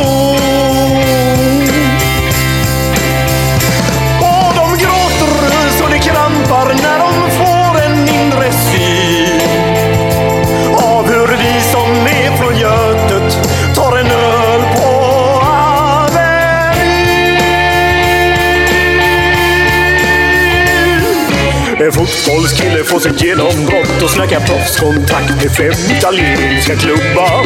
Ändå känner han att tåget har gått. En annan gubbe med en ollontusing och en latextjuva skriker ta mig ur röven gubbar. Men det ger honom inte nåt. Samma tomma blick och tårar salta smak. Om man frågar säger båda samma sak. De är ledsna för att de inte är från Göteborg. De kan inte se polisen dunka buss på Schappans torg. Det är inget fel på att vara från Mölndalsbro. Men 14 stopp med fyran svider mer än man kan tro. Och de gråter och slår det krampar när de får en mindre av hur vi som är från Götet av hur vi som är från Götet Ja, där hade vi den låten. Ja, det är ju stora låtar ni kör av. Jajamän. Det här är alltså... Äh, Jävlar anamma. De är ledsna heter den. Det är en riktigt bra låt här också. Du får släppa det nu Glenn. Den blir bättre och bättre också. Ja, ja. ja. ja så är det. Eh, Glenn, du hade en fråga till Jo, jag tänkte på, är det någon, är det någon eh, fotbollsspelare runt om i världen som du gärna skulle vilja sätta dig med och tjata med i två timmar liksom, en, eh, och göra en riktigt jävla bra intervju med? Åh oh, herregud. Eh, ja, det är klart att det finns... Eh... Om det, även om det inte är möjligt kanske, men... men nej, nej, jag förstår men bara menar. Nej, tanke men det, det, det, dels är det klart att eh, alla de, ja, men de av dem i den större världen hade ju varit fascinerande att skildra på något sätt. I alla fall Messi och sådana ger ju alla några intervjuer. Sen hade man ju gärna gjort, eh, för att tänka på det, James Milner. Fostrad i Leeds, eh, underskattad i Liverpool och nog lite mer i, innanför pannbenet än vad folk vill göra gällande. Han är ju en stor hjälte alltså. Mm. Jävlar vad han sliter. Mm. Så där fick du lite namn Glenn. Vad sa du? Där fick du lite namn. Jajamän, jajamän, Ja. jajamän. Men vi, Ryssland, VM nu. Eh, härligt att ni ska dit. Men vad tycker du om att det spelas i Ryssland eftersom du är lite politisk i med det här biten? Ja, men det, det är ju liksom en fråga för Fifa varför de lägger det där. Och sen så är jag så... Jag vet ju att alltid när det kommer upp idrottstävlingar att det går liksom i Ryssland eller Qatar att det är ju jävligt att det gör det. Och det kan jag ju hålla med om att det gör. Men jag menar det är ju ingen...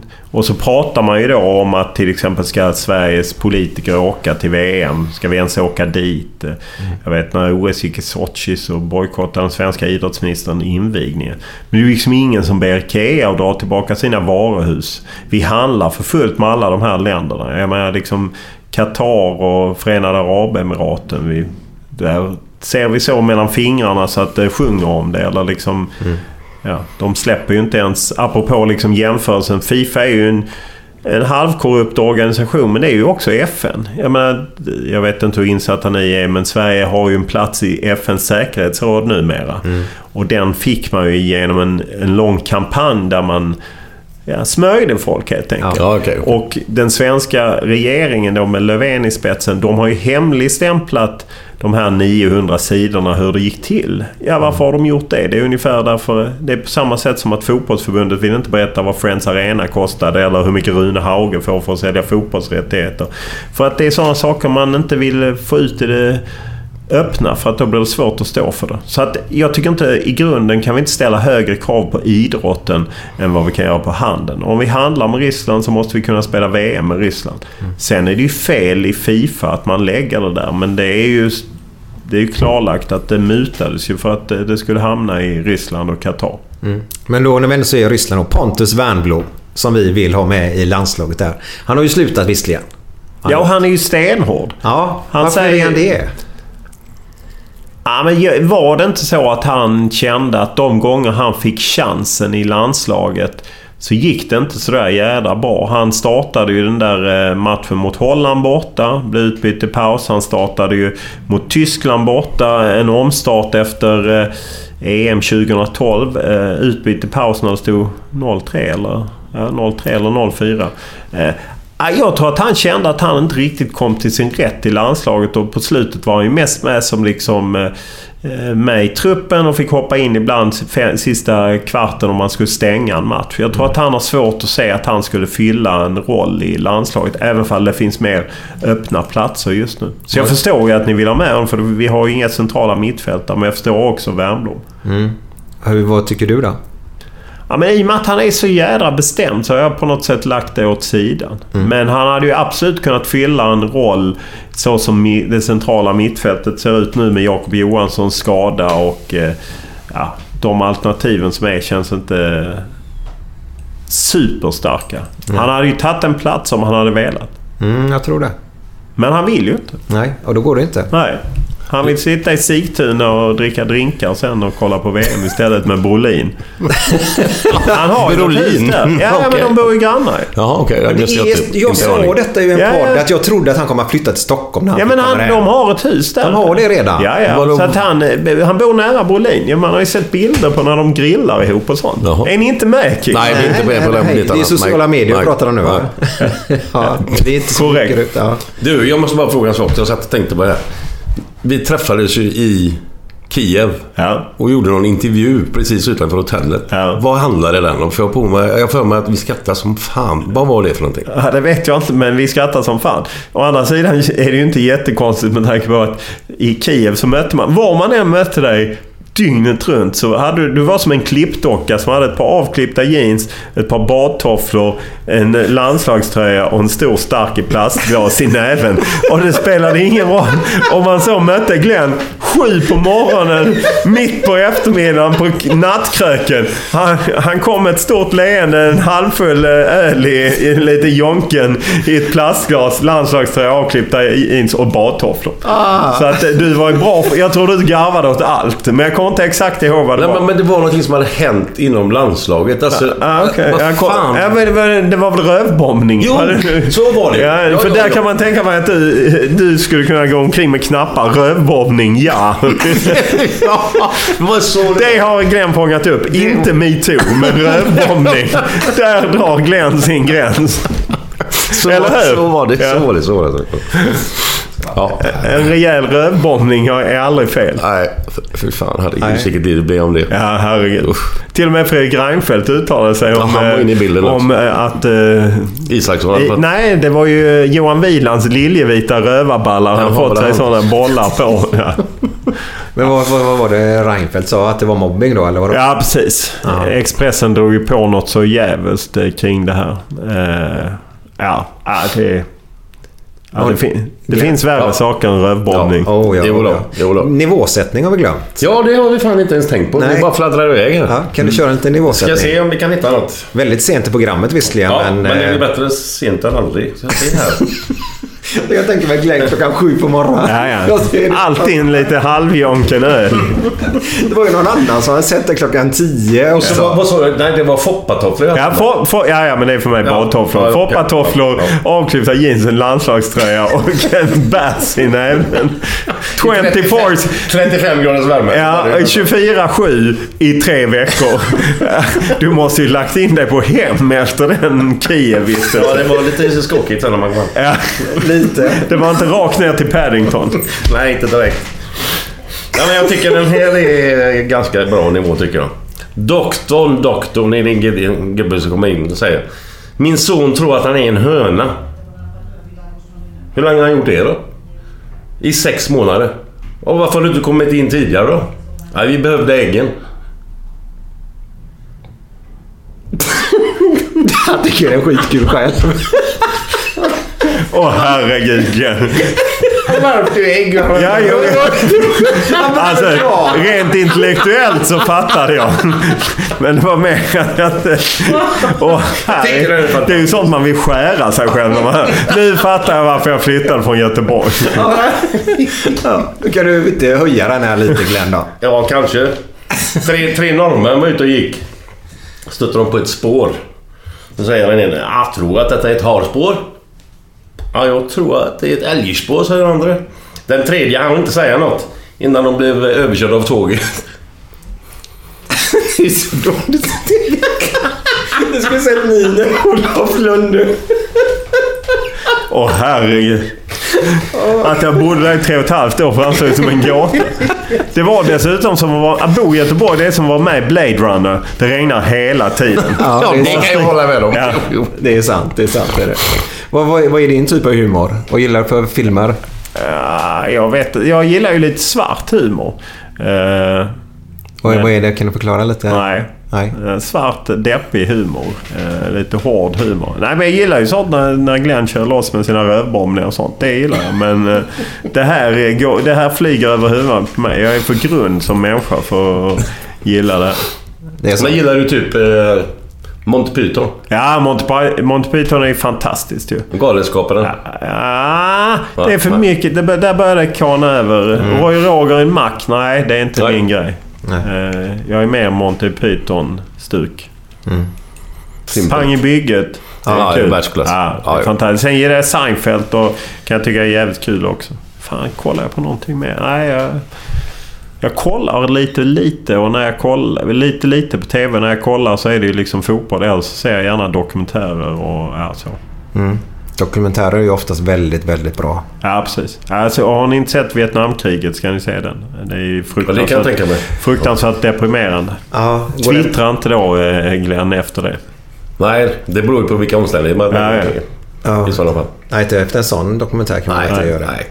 Det är Vad- ingenting man skämtar Är det. SVT Play då eller? Ja, det var SVT Play. Det är tio timmar. Nej, otroligt bra. De har ju pratat med bägge sidor väldigt lång. eh, Ken Burns tror jag han heter som har gjort det. Jag tror de har jobbat i tio år med den.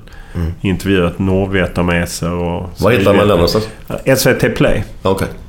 Vietnam War heter den. Nej, otroligt bra. Men, och det var ju en speciell tid med bra musik och liksom så att den är ju... Ja, det är ju fruktansvärda scener men det är ju väldigt bra musik och ja, oerhört stark dokumentär. Så det är mest det jag kollar på. Det är, jag kollar inte så mycket humorprogram. Nej. Vad, vad, vad hittar du din energi än? Ja, jag vet, det vet jag faktiskt inte riktigt. Eh, någon slags drivkraft finns väl i... Eh, från... Eh, men att jag... Nej, liksom... Att just det här att, bli någonting, nå någon vart. Jag kan inte säga att jag någonsin haft några liksom så att jag ska nå dit. Eller så, men det finns ju någon slags drivkraft att när jag började liksom jobba på Expressen så fanns det ju... Jag jobbade mycket extra gratis liksom för att jag ville komma någon vart helt enkelt. Jag fattade att de flesta var runt 20 och hade jobbat några år. Jag var, 28, ja, jag var 30 när jag började på Expressen. Liksom. Och, ja, du fattar, de andra var 8-10 år och kunde mycket mer än vad jag kan. Så därför fick jag ju kompensera det genom att jobba jävligt mycket. Jag jobbade mycket gratis just för att eh, skaffa mig arbetsprover och så. Så att eh, var den drivkraften. Jag hade föräldrar som födda på 30-talet. De jobbade jävligt hårt. Eh, och det har jag på något sätt fått den arbetsmoralen. Men du, har du haft någon typ någon förebild eller idol inom journalistiken som någon äldre gubbe? Ja, det är klart att jag har eh, från... Eh, jag ska, en som jag minns från när jag var yngre var en eh, sportchef som hette Åke Jönsson på Sydsvenskan. Eh, och även Åke Stolt var rätt bra när han kom eh, som ju också sportkrönikör. Men den stora för mig och som för många i, gissar i min generation är Mats Olsson på Expressen som ju liksom revolutionerade svensk sportjournalistik när han kom han värvades ju tillbaka 1990 då han hade ju bott i New York och mest skrivit liksom musik och men även lite NHL. Men då blev han ju sportkrönikör från 1990 eh, eller inför VM 1990. Och Var han musikskribent eller någonting innan? Jo, precis. Musik och sen var han ju, bodde han ju i USA massa år. Han, han var ju oerhört... Eh, ja, som jag har läst väldigt mycket och Mm. oerhört stilist. eh, Och, ja, men skrev väldigt bra. Det finns ju få som kan skildra en stämning efter en match efter en, liksom, som han kan göra. Jag tycker han är otrolig på det. Liksom miljöer och, och så. Mm. Jag saknar den också, hans krönika. Han hade alltid... Det var mittuppslaget oftast va? Ja, precis. Ritad Den, är, nu har, han, den finns kvar men den är ju inte så flitigt exponerad på nätet. Han, han skriver varannan söndag. Han och Ekwall delar i Expressen GT Kvällsposten. Har de ett uppslag. Okej. Ja. För han bor i New York nu va? Nej, han har faktiskt sen några månader tillbaka... Han har bott i New York rätt många år nu men har, sen några månader tillbaka är han tillbaka i Stockholm faktiskt. Jaha. Det var lite förvånande. Ja. Vad är han i ålder? Han är... eh, Jag vet inte ens om jag får lov att berätta men han börjar närma sig de 70. Ja, det är så. Du som fotbollssupporter då, svenska landslaget följt dem. Eh, nu EM, vad blir det, 2020 då va? Mm. Då ska de väl ha EM i en jäkla massa länder va? 13 ställen. Ja. Eller om det blir 12 för Bryssel blir av med sina matcher. De Ja, hamnar men då i London. Så att, nej, men Ja. de hamnar i London som redan hade matcher. Mm. Så att det är nog 12. Det är nog nere från 13 till 12. Mm. Vad, jag tycker det är jättetråkigt som supporter. Vad, Nej, jag tycker det är helt åt helvete. Jag tror faktiskt att det var något Platini kom på på fyllan. För att han, han kom ner inför dagen innan. Han var så jävla bakfull. Alltså så att det gick att ta på på en presskonferens. Eh, och så bara kastade han ur sig det här att eh, nästa EM så ska vi ha det på det här sättet. Och jag tror faktiskt inte han hade förankrat det särskilt väl. För att sen fick de ju hålla på ett halvår liksom och få till det. Eh, Men vad är själva baktanken med det hela då? Att det ska vara så bra? Vad, är tanken med det? Ja, Jag tror att de rent politiskt hade svårt att hitta... Det fanns inget riktigt land som ville ställa upp. Det var Turkiet som ville ställa upp. eh, Och varför de inte ville att det skulle gå Turkiet vet inte jag riktigt. Och det fanns liksom inga riktiga rivaler till att anordna EM 2020 och eh, då kastade han ur sig detta.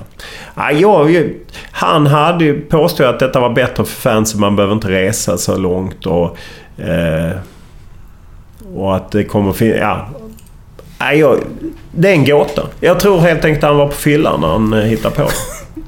Ja, för det är ju... Man kan ju undra. Ja. Ja. ja, du vet vilka idéer man kan få Glenn. Jo, det har väl hänt. Tänkte på Twitter nu också. Ja, ja. Brukar du twittra när du packar? Nej, jag gör mindre och mindre nu. Det blir inte bra. Nej. det, är en o, det är en oerhört bra sammanfattning. Det blev inte bra. är det många från Göteborg som inte ska twittra när de är packade kan man ju säga. Det är nog inte bara Göteborg. Nej. Man ska inte, det ska vara alkohollås på, på telefonen nästan. Mm. Man ska inte smsa heller. Nej. Ralf hade en liten sväng där som inte var så bra heller. Den var Edström. väl inte bra kan vi väl säga snällt. vad, vad, vad, vad, vad är ditt sämsta du har gjort om man säger arbete? Har du någon sån där riktigt krasch? Ja, jag har nog många kraschar eh, jobbmässigt. Eh, eh, och eh, ja, liksom... Nej men det är ju det är ju klart att man ibland kan känna att man har gått för långt när jag var korre i eh, USA. Mycket, eh, eller mycket, jag var två år, eh, eller knappt två år för Expressen i USA. Då blev man ju gripen av polis ett antal gånger för att man, ja, men man jagade sådana tabloidnyheter. Att man liksom skulle bevaka kronprinsessan Victoria. Mm. Och då får man ju ibland ta lite... Och då, på den tiden var det, det är det kanske fortfarande, men det var en väldig kamp mellan Expressen och Aftonbladet. Man fick liksom inte få stryk. Mm. Eh, och eh, det gjo- gjorde att man, eh, eller jag och ofta en fotograf, att man ja, pressade sig själv till att göra saker som man kanske inte borde ha gjort. Kan du berätta något litet? Ja, nej men det, jag, jag vet. Det, vi greps ju flera, tre gånger tror jag av polis när vi på olika sätt hade några stakeouts eh, för att vi ville ha bilder på Victoria när hon var där med Daniel Westling. Mhm. Sen trodde ju Olle Westberg som då var generalkonsul för Sverige felaktigt. För eh, Victoria jagades av några fotografer och han jämförde med när Diana då blev Mm, ihjälkörd. Att det var en liknande situation. Och då pekade han felaktigt ut mig inför kollegor.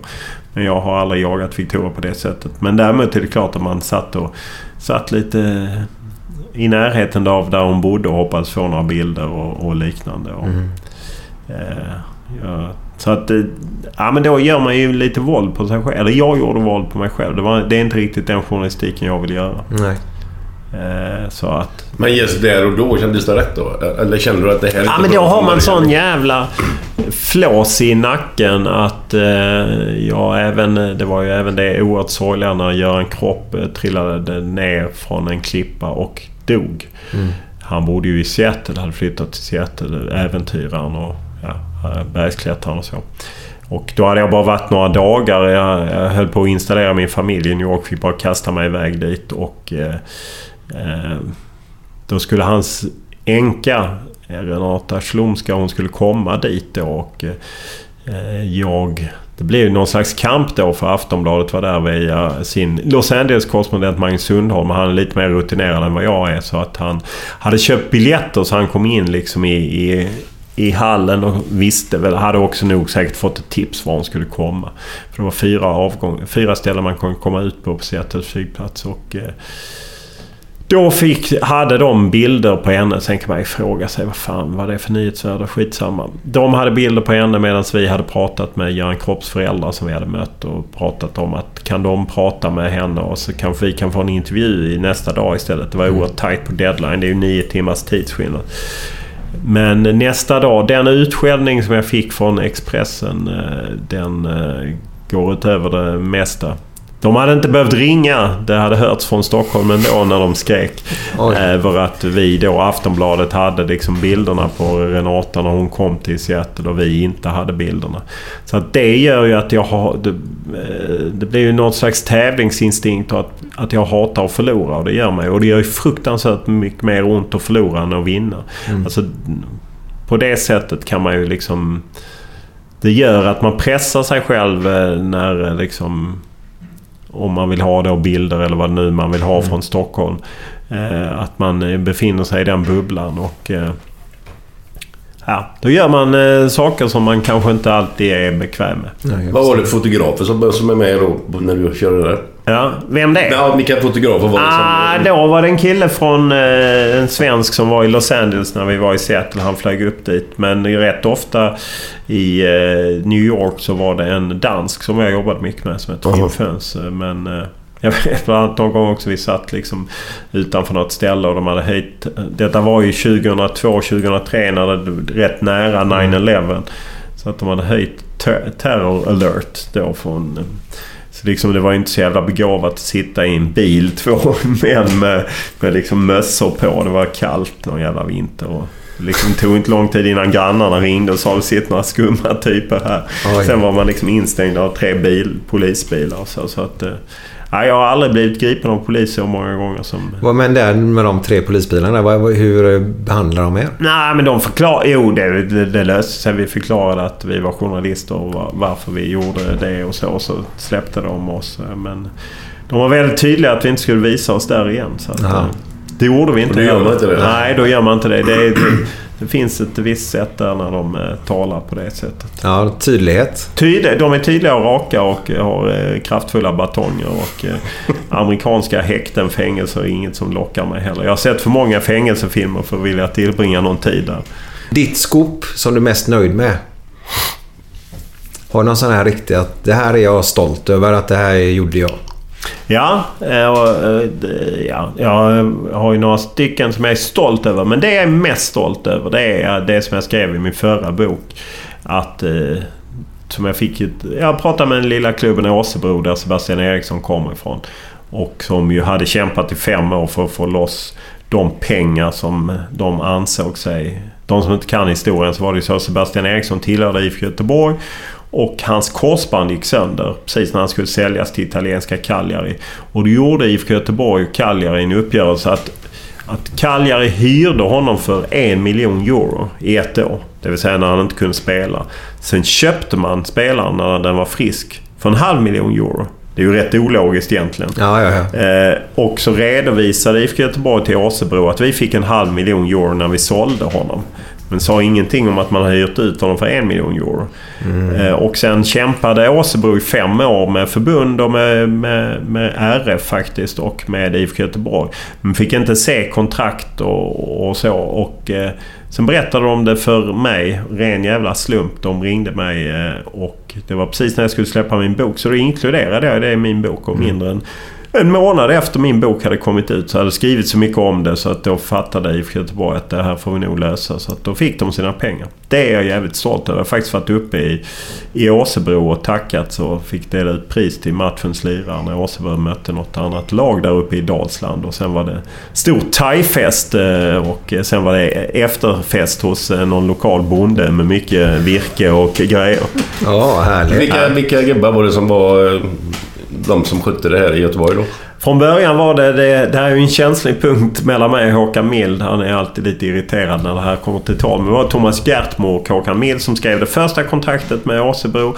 Men sen har ju det varit flera ledningar därefter och då ingen har egentligen gjort mycket bättre. Inte ens Frank Andersson. Eh, som ju fick ärendet. Frank Andersson och Mats Green fick ju ärendet. Och då var ju problemet att Blåvitt har ju haft lite ont om pengar på slutet Mm. eh, de senaste åren. Så de hade ju lite svårt att, att lösa det direkt. Så jag tror att det faktiskt blev en avbetalningsplan. Men eh, jag tycker att det är för, för jävligt att förbundet inte liksom sätter större tryck. För förbundet sa ju bara till Åsebro håll det här inom familjen. Det vill säga inom familjen fotboll. Gå inte till någon annan.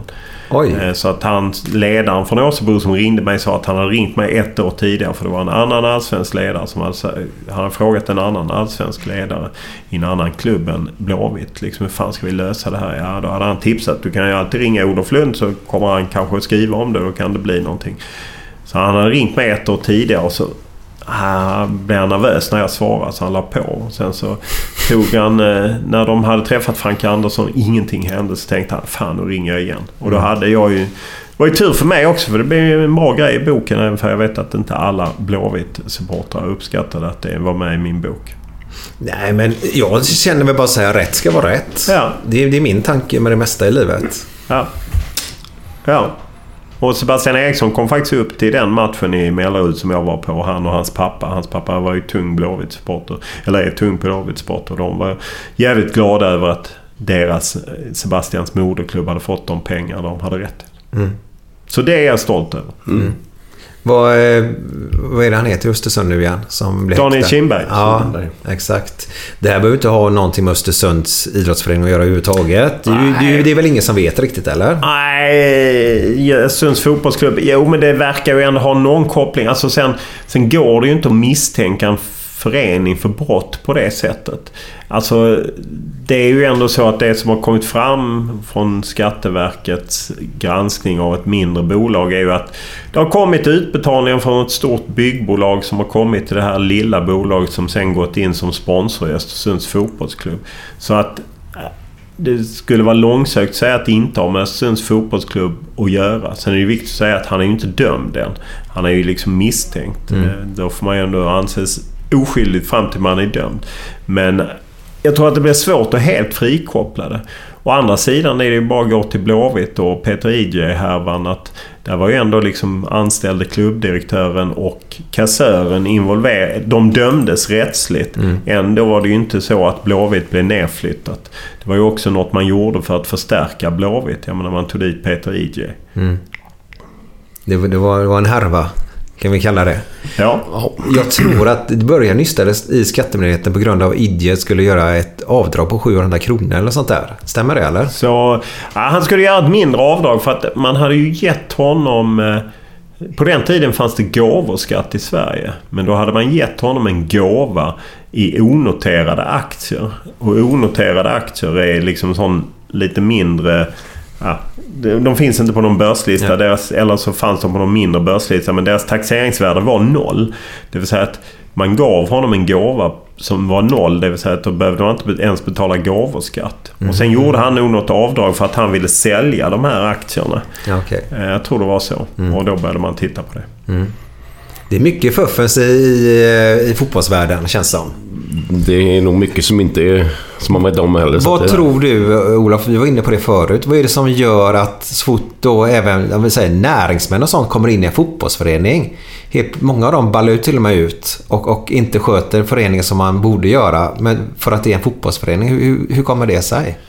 Därför att de ofta sätter sig där som supportrar och eh, också tappar huvudet lite. Att de, eh, de drömmer iväg om framgångar. Eller man lägger alldeles för hoppfulla budgetar och att man tror att eh, ja, men om vi vinner de matcherna och det kommer så mycket publik eller vi säljer den spelaren för så mycket eller vi tar in så mycket sponsorintäkter. Och sen händer inte det och då blir man liksom pressad att, att göra saker och ting som man inte borde göra. Mm. Men jag tror att det är en press på... Alltså man ska ju tänka att många av dem som kanske... Det är ju få börsbolag som får lika mycket uppmärksamhet som IFK Göteborg eller AIK eller Malmö FF. För att du läser ju om det hela tiden. Jag tror att det är lätt till exempel att istället för att lägga 50 000 på en ny marknadschef eller en ekonomichef eller någon sån funktion på kansliet så lägger man hellre 50 000 i månaden på en ny högerback eller någonting som ger liksom Mm. rubriker. Här är... Det är han som ska skjuta oss till guld eller alltså så. Mm. Man tänker inte med, med rätt huvud. Jag, jag har en annan runda jag kommer att tänka på här nu. När AIK vann eh, 09. Kan, kan du den biten av de pengarna de fick där och det där eh, bolaget? Panaxia? Ja. Kan du den lite eller? Nej, lite grann kan jag ju liksom. Kan man, kan man kalla det doping? Det är väl svårt att eh, kunna dra det hela vägen dit. Alltså det har ju grävts lite i det men det har ju varit svårt. Det var ju en sponsor. Han var ju även riskkapitalist satt in pengar i spel. Det är ju lite svårt liksom. Men det är klart att det flöt in pengar för att de var spons sponsorer och, och på det sättet. Och att det, Ja, ganska allt, mycket pengar. Allt sköttes inte på riktigt sätt. Nej. Så är det. Ja. Vet du vad det handlar om Glenn? Nej, jag känner igen det ytligt bara. Men Ja. ingen... För skulle man hårdra det så, så, så kan man ju säga att det är lite, lite, lite doping. Ja men doping, alla håller ju på. Alltså, jo men jag tror att om du tittar på alla klubbar så har alla klubbar gjort någonting. Mer eller mindre liksom. eh. Och sen åker några fast och några åker inte fast. Och livet är orättvist helt enkelt. Ja, det är det faktiskt. Ju snabbare man lär sig det desto bättre. Ja, för då behöver man inte gnälla utan så är det. Vad, har du blivit hotad mycket Olof? Nej, jag kan inte säga att jag har blivit mycket hotad. eh, Men det har ju hänt och eh, det är ju folk blir förbannade. Det är ju mycket känslor kring fotboll och eh, folk håller på lag och de upplever att man inte håller på deras lag eller på deras... Ja, typ partisk. Ja, precis. Eh, Det är ju liksom det vanligaste och sen kan man ju få läsa saker och ting både i sociala medier och eh, i mejlledes. Och någon gång... Det händer ju att folk kommer fram också i... Säga, De flesta är varit trevliga. På, så eller? Va? Är det någon som har varit framme rent fysiskt? Absolut. Eller liksom... Nej, men det är händer ju att folk kommer fram och markerar. Absolut, det händer det. Men det är ju betydligt vanligare att folk kommer fram och säger att, det är, att man har gjort något bra eller liksom så. Eller att de vill snacka lite fotboll helt enkelt. Mm. Men det är klart att det under... Jag har jobbat så länge nu att det är klart att det har hänt. Vi ska snart runda av Glenn. För du, Absolut. du ska ju hem och kolla på Liverpool-Roma. Ja, det är nummer ett idag. Ja, ja. Fan, det kan gå hur som helst. Ja, det kan det verkligen. Man trodde ju du skulle stå på Anfield. Är inte du ambassadör för klubben alltså? Inte för klubben, men Måste du har varit ambassadör för den svenska sporten. Nej, okej. ja, ja. Ja, men du måste ju trycka dig in där på Anfield. Men jag är ingen sån här slipsnisse som sitter där på den läktaren. Jag kan inte, jag klarar inte det. Nej, okej. Utan Jag får sitta på andra sidan med supporter, supporten Ja, okej. eller någonting. Ja, Så- jag, jag, jag, jag har sett dig, jag har sett dig foppatofflor. i Kiev så jag fattar. Nej, jag klarar inte riktigt den här slipsgrejen när man går på fotboll i år. Men eh, Rush och alla de Ja, de sitter där med slips. Ja. Jag Och så pallar går inte de det. runt i en loge och pratar lite fotboll och lite gamla minnen. Visar någon medalj. Ja, de gör det och det gör de... mm, han som gör det mest är ju Phil Neal. Han har ju mest medaljer i Liverpools historia. Ja. Han går omkring med typ 21 medaljer eller vad det. Ja, okej. Var det han vi träffade när vi var där senast? Yes. Japp. Men är du fortfarande stor när du kommer dit? Det är bara de mest inbitna som... Ah, okej. Nej, inte generellt så. Nej, för fan. Så de, du dricker- de, de andra grabbarna är ju lite större. Rush och Barnes och gänget. Ja. Du dricker inte gratis helt enkelt? Ja, på vissa ställen gör man ju det. Men, det. men, men inte överallt. Nej, nej. nej, nej, nej. nej. No. Nej. Du älskar ju Liverpool Glenn. Ja, ja, ja det, men det, är- det är mycket som är lik Göteborg. Det är gamla nedlagda varv och det är bra humor och de är jävligt trevliga människorna som bor där. Ja, Olof tycker inte Även om inte du tycker det. Jag, jag säger inte att de var otrevliga, jag säger bara att de släppte inte in. Nej. Det, det, det, Ja, det är ju tråkigt att höra, men så är det. Livet Ja, är no, men orättvist. Precis. Allt kan ju inte ha lik, alla, man kan ju inte tycka lika. Nej, nej, och alla kan inte passa in i Göteborg. Nej. Nej. nej. Fast vår önskan vore ju att det Jo, var så. vi men trodde att det var så, men det var det Ja. inte. Jo, ni måste ändå hålla med om att jag har en poäng med en chili con carne-gryta i Majorna eller en Henry Lloyd-jacka på Avenyn. Absolut. Klockren. Absolut, absolut. Klockren. Och så mycket rödvin och så är det ett litet ljus i rödvinsflaskan Ja, i ja, Majorna då. Och så sitter man och lyssnar på lite, lite gammal progg, Ulf Dageby och liknande. Ja, ja. Livet är en Så- fest. Ja, exakt. Det är i och för sig gillar jag. Det är min musik. Det är det? Ja. Jag är gammal. Är man uppfödd i Lund på 70-talet då är det mycket politisk musik. Mm. Okej. Man har ju sett Nationalteatern och liknande ett antal gånger. Har du varit politisk själv? Eh, nej, det kan jag inte säga. Nej, jag är ju helt... Eh, nej, jag klarar inte av politik. Nej. Jag är ju po- politiskt intresserad men jag klarar liksom inte av... Eh, när man ser politiker slå knut på sig själv, nej jag lider av det. Men det är också en annan grej när vi snackar med Majorna. Att vi har ju åkt runt med en sån här julklappsspårvagn i Göteborg tre, fyra år på raken nu och samlat in julklappar från folk till familjer som har det jävligt taskigt och som inte kan köpa eh, leksaker eller så vidare. När jag åker mot Majorna och i Majorna där borta, då är det högvis med säckar med julklappar som de skänker och liksom gamla grejer som har legat på vinden eller... Kommer du ner till Avenyn, Kungsgatan där. Inte En tredjedel av Ja. dem, vad de skänker där borta. Och och då tycker man att det ska vara tvärtom, för där Ja. bor ju de här med lite stålar där inne. I Helvete heller. Så du har helt rätt. Ja, jag ligger mitt i prick. Ja, härligt. Vi kommer tillbaka efter den här låten och helst Glenn kommer tillbaka med sina härliga, härliga, härliga vitsar.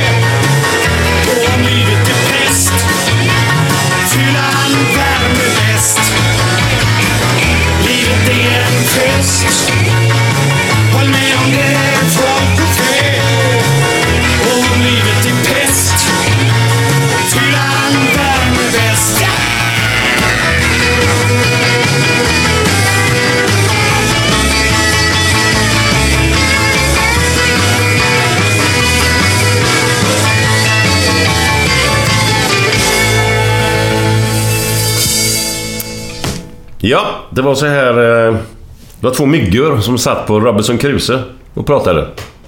Så säger den ene... Nej, nu sticker jag. Vi syns på fredag. Ja, men den är lite dubbelbottnad ju. Du tyckte inte den var rolig? Det flyger lite ovanför huvudet mig. Alltså jag fattar att nu sticker jag. Ja, det är, vi syns på fredag. Ja. Fredag gör han det andra. Då hoppar de över till den andra kompisen fredag. Han heter ju Fredag på Robinson Crusoe. Det- Det är inte ännu. Det här ramlar snart ner Olof. Snart, snart kommer det. Snart trillar polletten ner. Hur kommer det sig att du höll på Landskrona förresten? Nu, nu kommer det en till ska se. Vad ni tycker om denna då? Hovmästaren, den här biffen vägrar jag äta. Eller nej, förlåt. förlåt. Säger jag? Den här biffen vägrar jag äta. Får jag prata med hovmästaren? Ingen idé, han vill inte heller ha den. Du skrattar lite va? Jag skrattar med åt dig. Fantastiskt Glenn. Jag, är det den du vann gott. för Bengt-Åke Gustafsson som skickar runt till? Eller det, det är mer... Nej, det var länge sedan nu han skickade dem. Ah. Herregud. Men det var en period där det var en jävla massa sånt. Ja, ja. Vem, vem var det som skickade? Bengt-Åke Gustafsson. Ja, det fanns ju med i Ja, det fina reportaget Anders Bengtsson skrev om dig för många år sedan i Offside. Ja, Där är, kommer det hela tiden Ja, sådana ja, ja. eh, dygnet runt. Det var någon till som var med. Bempa var med ett Ja, tror jag. okej. Härligt, härligt. Ja. Tack Olof. Tack, Tack så mycket. Tack. Tack. Underbart. Härligt. Hi, I'm Daniel, founder of Pretty Litter. Cats and cat owners deserve better than any old fashioned litter. That's why I teamed up with scientists and veterinarians to create Pretty Litter. Its innovative crystal formula has superior odor control and weighs up to 80% less than clay litter. Pretty Litter even monitors health by changing colors to help detect early signs of potential illness. It's the world's smartest kitty litter. Go to prettylitter.com and use code ACAST for 20% off your first order and a free cat toy. Terms and conditions apply. See site for details. Even when we're on a budget, we still deserve nice things. Quince is a place to scoop up stunning high-end goods for 50 to 80% less than similar brands. They have buttery soft cashmere sweaters starting at $50, luxurious Italian leather bags, and so much more. Plus, Quince only works with factories that use safe, ethical, and responsible manufacturing. Get the high-end goods you'll love without the high price tag with Quince. Go to quince.com slash style for free shipping and 365-day returns. Even when we're on a budget, we still deserve nice things. Quince is a place to scoop up stunning high-end goods for 50 to 80% less than similar brands. They have buttery soft cashmere sweaters starting at $50, luxurious Italian leather bags, and so much more. Plus, Quince only works with factories that use safe, ethical, and responsible manufacturing. Get the high-end goods you'll love without the high price tag with Quince. Go to quince.com slash style for free shipping and 365 day returns.